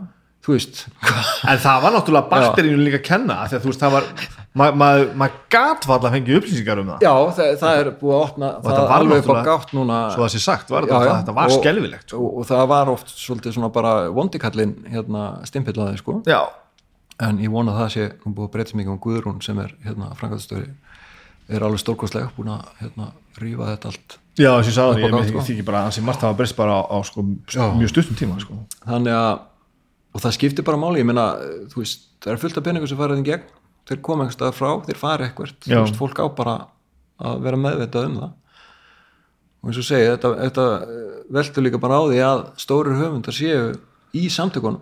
Já, þú veist, þeir eru allir ef þeir hlaupa bara til hérna Ameríku eða Þískaland sem leiðu þeim meka þá náttúrulega já, já, skilur það ekkert eftir hér. Það er náttúrulega að vera einhvern veginn samstarf allra, það er náttúrulega að vera aðlæðandi umhverju og, já, og, og einhver ábyrð eða þannig. Og hefur raun og verið er þetta pínu lítil samtök sko. En Já, er þetta já, að segja, mér finnst líka bara svo fróðlegt þetta samstarf eins og við Norðurlöndin og svo er Norðurlöndin náttúrulega í samstarfi við Evrópu. Mm. og þar eru samtök sem heita EXA. Ég ég þar ofinn, það er bara þá ertu bara komin í samtal við Spán og Frakland og þessi risalönd sko. Og það er til dæmis uh, þú veist, Norðurlöndin eru svolítið svona hvað að segja hérna gósenland þannig fyrir hérna þennan struktúr og höfunda því að Já. í mörgum löndum er þetta bara í tómurugli og já, já, ok. bara spyrði einhvern í Brasilíum höfundarétt hann bara pff, já, já, við já, getum rulluð saman sko. Eða skilur við kannski já, en samt það er svona það er alveg stór lönd sem bara eru með þetta allt í höng sko. það að þú nennir þessu þú alveg, já, mér finnst þetta mjög áhugavert ég nennis ekki að eilífu sko en það er bara mjög tvistett á milli þetta að vera einhver svona kreatífur api og einhver svona kerfiskall er mjög, það er eitthvað, eitthvað þarna, það er hérna það er formið sem heillar alltaf sko. Já. hérna, og líka reyna að, að svona opna opna hérna strúkturinn og búa til samstarf og, og búa til fíling já, já, ég myndi halda, þú veist bara tónlistabransin almennt þurfa að vera í svolítið góðum fíling og það kom svolítið skemmtilega í ljós hérna kannski í þessu COVID já, ruglu öllu að, að núna er bara rosalega gott hérna samstarf og, og svona samhugur í bara öllum bransanum þú veist, í samtali bara við stjórnvöld já. en svona alls konar aðgerður svona þá bara allt í hennu er, eru þessar fylkingar einhvern veginn komna saman í já. eina línu sko. Svo finnum maður líka fyrir því nú vil ég ekki hljóma eins og ég sé ekki, ekki sko tónlistar fólks megin já, en maður fann samt líka fyrir því að þegar fólk, fólk þurft að fara að bjarga sér þá hætti vælið pínu. Af því að, að því að nú ég er náttúrulega tekinn að lífi fyrir að segja þetta. En sko stundum verður náttúrulega að móka skurðin sko. já, já, og það hefur stundum verið þannig að vælið verður það hávært uh, í, í o- okkur tónlistafólkinu að það einhvern veginn svona kemur fyrst vælu við og svo fyrir að hugsa um hvernig við hefum að leysa málin sko. og þetta kendi okkur svolítið það þegar við vorum bara komin alveg upp á vegg og sérstaklega náttúrulega fólki sem er ekki eins og, eins og við, einhverju kapitalistar á auðvísingastofum sko. Að þá bara fór fólki að leysa málin. Það bara kom fullt af, alls konar snildalegur hlutum sko. nákvæmlega. Og það er náttúrulega bara eiginlega alltaf lausnin. Það er að tala saman og, og vera svolítið hérna samstíga sko. Mhm. en þú veist tónlist, tónlistabransin er náttúrulega eh, byggður líka upp á stjörnum og, og, og stórum ekkoum og, og svona sko. Já, já, skiljanlega. Og það eru mjög ólíkir kannski þú veist það er ólíkt að vera útgefandi og vera þú veist höfundur það, þetta er ekkit sama sa- sami, sami hérna sömu aðilar sem leita í, í þessi tvö stör sko. Nei. Þannig að þú veist það þarf að tala saman og samrýma og, og allt þetta sko. en er eitthvað svona endatakmark í þessu? Veist, erum við að- er þetta á leiðin á einhvern stað sem við viljum hafa þetta á? Er þetta ekki endalist bara að bara reyna að hafa þetta? Jú, það er náttúrulega bara aðalega að búa til bara eins og ég segi, bara að sé hægt að vera listamæður sko. Já, bara að fá að vera listamæður og, og, og, og það sé bara raunverulegu valkostur alveg eins og að verða pípari sko. að þú getur bara ok, ef ég verð listamæður þá ger ég þetta svona svona svona og þá bara verður þetta fínt þannig til ég fer á eftirlaun sko. en það verður þá samt líka að vera þannig að þú getur bara verið listamæður ef þú ert nú góður í því en, Já, þú veist, þú, þú fjandinn hafir að þú, fjandinn hafir að þú farið ekki endalust að gera ef þú ert lélugu pípari. Samt. Ok, samt, píp, já. En þú skilir hvað við Já, já, já, þú getur ekki, það má umhverju má samt ekki vera þannig, þú getur sest bara á rassinu og sagt, er ég Nei, listamæður nei, ég á rétt að því að alls ekki sko. En hérna þetta snýst náttúrulega algjörlega um það að þú sért- að skapa list og hún sé gelgeng sko. En hérna en það, það að góður listamaður horfi bara á umhverju og segi bara æ, fokk it, ég er bara farin í lögfræði. Já, já, algjörlega, sem er það versta sem við er gert. sem, sem maður vill ekki gerist sko. En, en, en já, vissulega.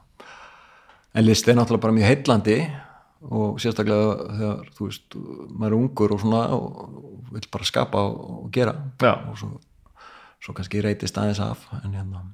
Já, en þetta já, þarf bara að vera, þú veist, eins og ég segir þá, þá þarftu bara að fá að vita það líka strax hvernig þetta virkar. Og hvernig hlutinni virkar, þetta sé ekki bara alveg hap og klappa. Ég er mjög hrifin að þessu þessari nálguninni, sko, Mm. að, að þú getur gengið allavega að einhverju, já, af því það sem við vorum að nálgast þegar við vorum, við vorum að, að, að eldast og þróskast var bara ein, einhver kás Já, ég meina, tökum bara sem dæmi það að fara að túra. Þetta er rosalega ákvörðun. Þetta er bara eins og að ráða svo að tóra sko. já, þetta er bara það. Og nema að þú færð ekki borgað já, það er ekki miður. Ráðið á bara þrælaskip sko. en þetta er, þú veist, það umhverju ég held að vola fáir sérstaklega þú komið með einhver sem er bara túra allt árið og hérna sitt í rútum og táfílu bara endalaust sko, þetta er þú verður að sjá eitthvað takmark. Það verður nefnilega að vera þannig, sko. Og, og ég held að fólk átti sig enga veginn að því hve- hversu stór sá bransi er hvernig hann, þú veist, hvernig þú leiðir ferðu úr sendibílunum upp í rútuna upp í stóru rútuna, upp í Já. flugvélina upp í, þú veist, enga flugvélina einmitt, sko. þetta er hérna, já mjög, það er alls konar svona sem bara, já, fólk á eiginlega bara rétt á að vita að vera að fer að stað, sko Já, ekki bara rétt á að vita fyrst mér heldur líka bara að það verður að vera eitthvað sem maður er að segja fólki. Já, já, að þegar, segi, þegar, þegar, þegar, þegar maður var sjálfur að göslast í þessu þá, þá var engin struktúr sko. þetta var bara annarkost komst einhvers staðar inn eða ekki og það var engin þú veist, þú gast ekki haftist rúslega mikil áhrif á þannig og bara að djöblast sko. og svo er þetta bara, þú veist, það er rosalega erfitt kannski að útskýra fyrir átjónara hérna, bassalegara hérna, borgi lífyrirsjóð, sko Já, já, af því að hann er í meðingahúsna einhver en er það ekki bara einmitt það sem að þarf að gerast? Jú, þurfum það- við það ekki, er akkurat er allt þetta, sko. einmitt partur af þessu við erum að tala um að það þarf að, að benda á það? Þannig að, ja, en þetta er, þetta er svona smá að gerast og ég held að þetta sé á ágætis siglingu núna. Já. en sko að því sögðu er náttúrulega ástandið akkurat núna, Núna, já. í þessum bransa er bara eðumur sko, sem er bara þetta er, þetta er rugl sko. Já, þetta er bara hérna en aftur á móti þá ertu með skapandi fólk, það finnur sér leiðir. Já, já. Það sittir þá kannski heim og semur eða eitthvað en hérna en hérna eins og segið þetta er bara framkomu hlutin er bara, Heldur þetta eitthvað að breyta einhver til framböðar? ég veit það ekki. Ég, þú veist ég held að þetta setji alveg í, í fólki og kannski verður fyrir hyggju samara einhverju leiti en það eh, ég vona náttúrulega að sko við förum út úr þessu samkomu Já. banns ástandi og það, sé bara leifilegt að vera með eldborg í nótkun Það er náttúrulega þetta, þetta sem er svo galið. Það er bara, það er bara salinir eru bara er Já, bara leikhúsin tóm og eða, þú veist, þetta er, þetta er svo, svo svakalega stór hópur sem líka bara er tengdur þessu sem bara er óvirkur á meðan sko. Mhm. En þetta, þetta leitar náttúrulega í einhvern farveg á endanum. Eh, en já, maður svona ansi hrættur um að svona næstu tvö árin verði ansi Já, ég held að það hrætt rétt sko. Og hvað er svo? Áfram? Hvað hvað þarf að gera næst? áfram veginn. Um, hvað áttu nú eftir að gera í lífinu? Ég veit þú hugsaður þetta bara ekki neitt svona. Þetta er bara, voða lítið sko, ég fer svolítið bara áfram vörðunar, við erum nú að plötu. Bakalóttur vínilblötu já, það er meiri káin það er Já. náttúrulega ráðast á garðin það sem er engin eftirspurn. Já, hjá mömmu minni, ég held að þessi uppáðsplata það það eru það, hérna, kon- konurnar hérna, 60 plus, það er svona okkar já, þetta er góð plata maður. Þannig að það er, það er á hún er bara, sko hún er ekki nema eitthvað en 20 myndur þessi plata, gamla plata. Gamla- hún 20 Já. mínútur? já, hún er svona rétt slefur að 20 myndur og ætlum að gefa hún út á vínil það er búin að vera að gefa svona einu og einu út á vínil þá komist að hún fyllir bara eina hlið. Ég geti aftur á 45 já, reyndar, reyndar. Ég er hérna, En var, þá- var einmitt að, að hérna, það tók mig tvö lög í gær að ég setti hérna þriði plötunum með portisetta á hérna eins og sérst og hún á tvöföldu vínil, sko, einhvern svona mont útgáfa. Já. já, menn svona látt eitthvað og, og var eitthvað að dún, og ég var mm. að stilla hérna upp mækonum eitthvað og það tók mig tvö lög að fatta bara að hérna, Beth Gibbons að þegar með þetta 33 það, það var ekki eða, gefið það út á 45 Já, það er endar, já, það er bæling sko. Hérna, en, en það er sem sagt uh, endaði því að það eru til hérna fleiri lög við þennan frábæra kveðskap eftir Kallinn já, og hérna og allt í nú var bara komin heil vínilplata. Og við vorum eftir í sama, sama vandamálinu. Það var, sem, það var komin nýplata pluss hálf. Þannig að hún kemur út á þremur hliðum þannig að þetta gefur gam, gamlu plötuna já, og nýju plötuna á vínil saman, já, já, ok, þá slött og þetta eru þrjár hliðar. Þá þetta ekki að gera og þetta ekki fundu, að gera plö- 45 fundu plötu með hérna, Neil Young sem var töfaldplata Aha. og hún er með sem sagt uh, bara þremur liðum, fjóraða liðin er tóm. Ég get nú sínt reitt það er grafík, grafík á henni. Þú ert með dæmi um þetta vandala já, vel gert já, býttu var þessi á voru ég fann að efa strax sko? Þetta er það börn loka með skálmöld önnur platan. Ég hef ekki séð hann á ekki þessi hlið, já, hérna. Þetta er setni platan, hlið þrjú og fjögur sko. Já, já, þetta er nákvæmlega þetta. Það er þessi útskorna þetta, þetta edged já, það nú hættu við þessi viðtalinu og ég Nú er er aðeins að taka viðtalið. mynd af þessu fyrir. Þetta er henni bara fossiðu myndin á sko. Þetta er, þetta er nefnilega ógeðslega töff þetta er mjög fallegt sko. Og líka bara gleður lúðismann svo mikið sko. Lú- lúðin fær mikið fyrir peningina þarna sé ég að grafíkin er inn að miðju sko. varst að hugsa um það, hvort það var hægt að setja hana? Já, hún endar hjá Jón hérna. Já, að, að það sem miðin er. Já, já. Hvað er þetta framleitt? þetta er örgulega ég held að Sena hafi framleitt þessa plötur sko. Já er ég held alveg örgulega, ég held að Sena ég með þess að rétti með þessa plötu. þetta er örgulega bara sonopress eða eitthvað? En ég sé að límið á, á, á nærbjöksunum er ekki gott. Nei, ekki ná, nærbuxunum. þannig að er að þetta er já, það er vínilpervismin sem er svo líka það er einhver það er einhver þráhyggja að hérna, halda þessu á lífi sko. þetta er gaman maður. það er með eitthvað grip sko. já, það er ekki þetta sko. Með, bæði með gripinn og svo ertu búin að skuldbinda þið svolítið maður setur hana á já.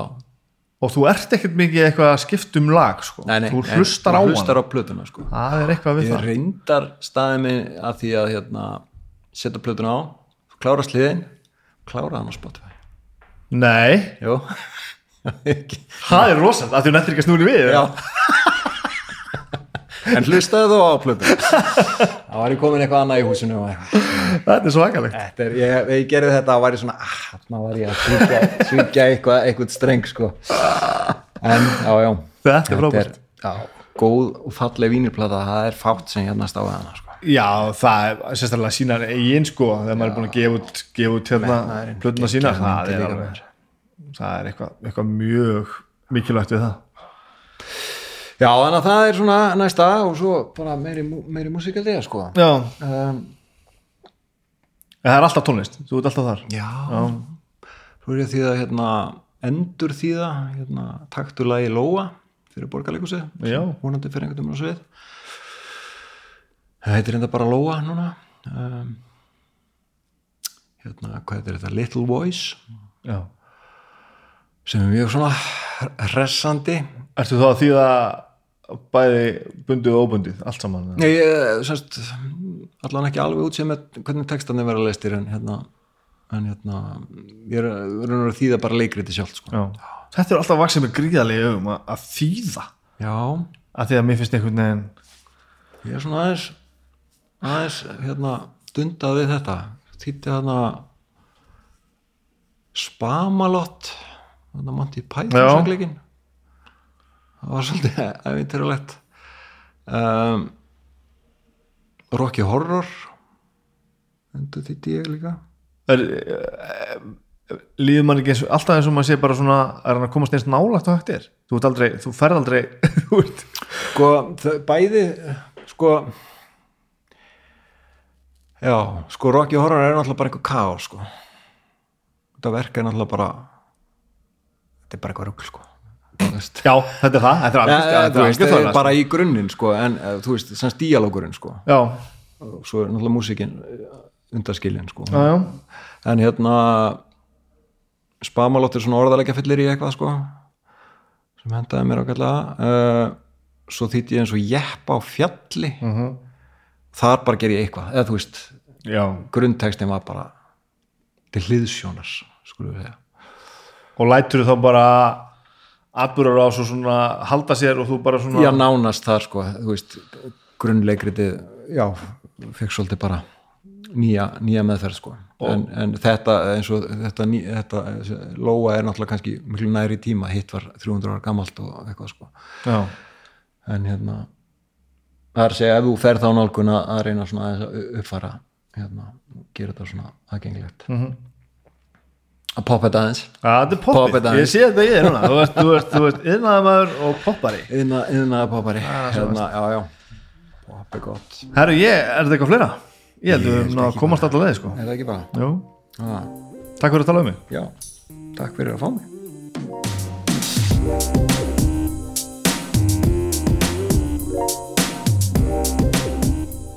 Þetta voru við Bræði Valdimar. Það var margt um að tala sko.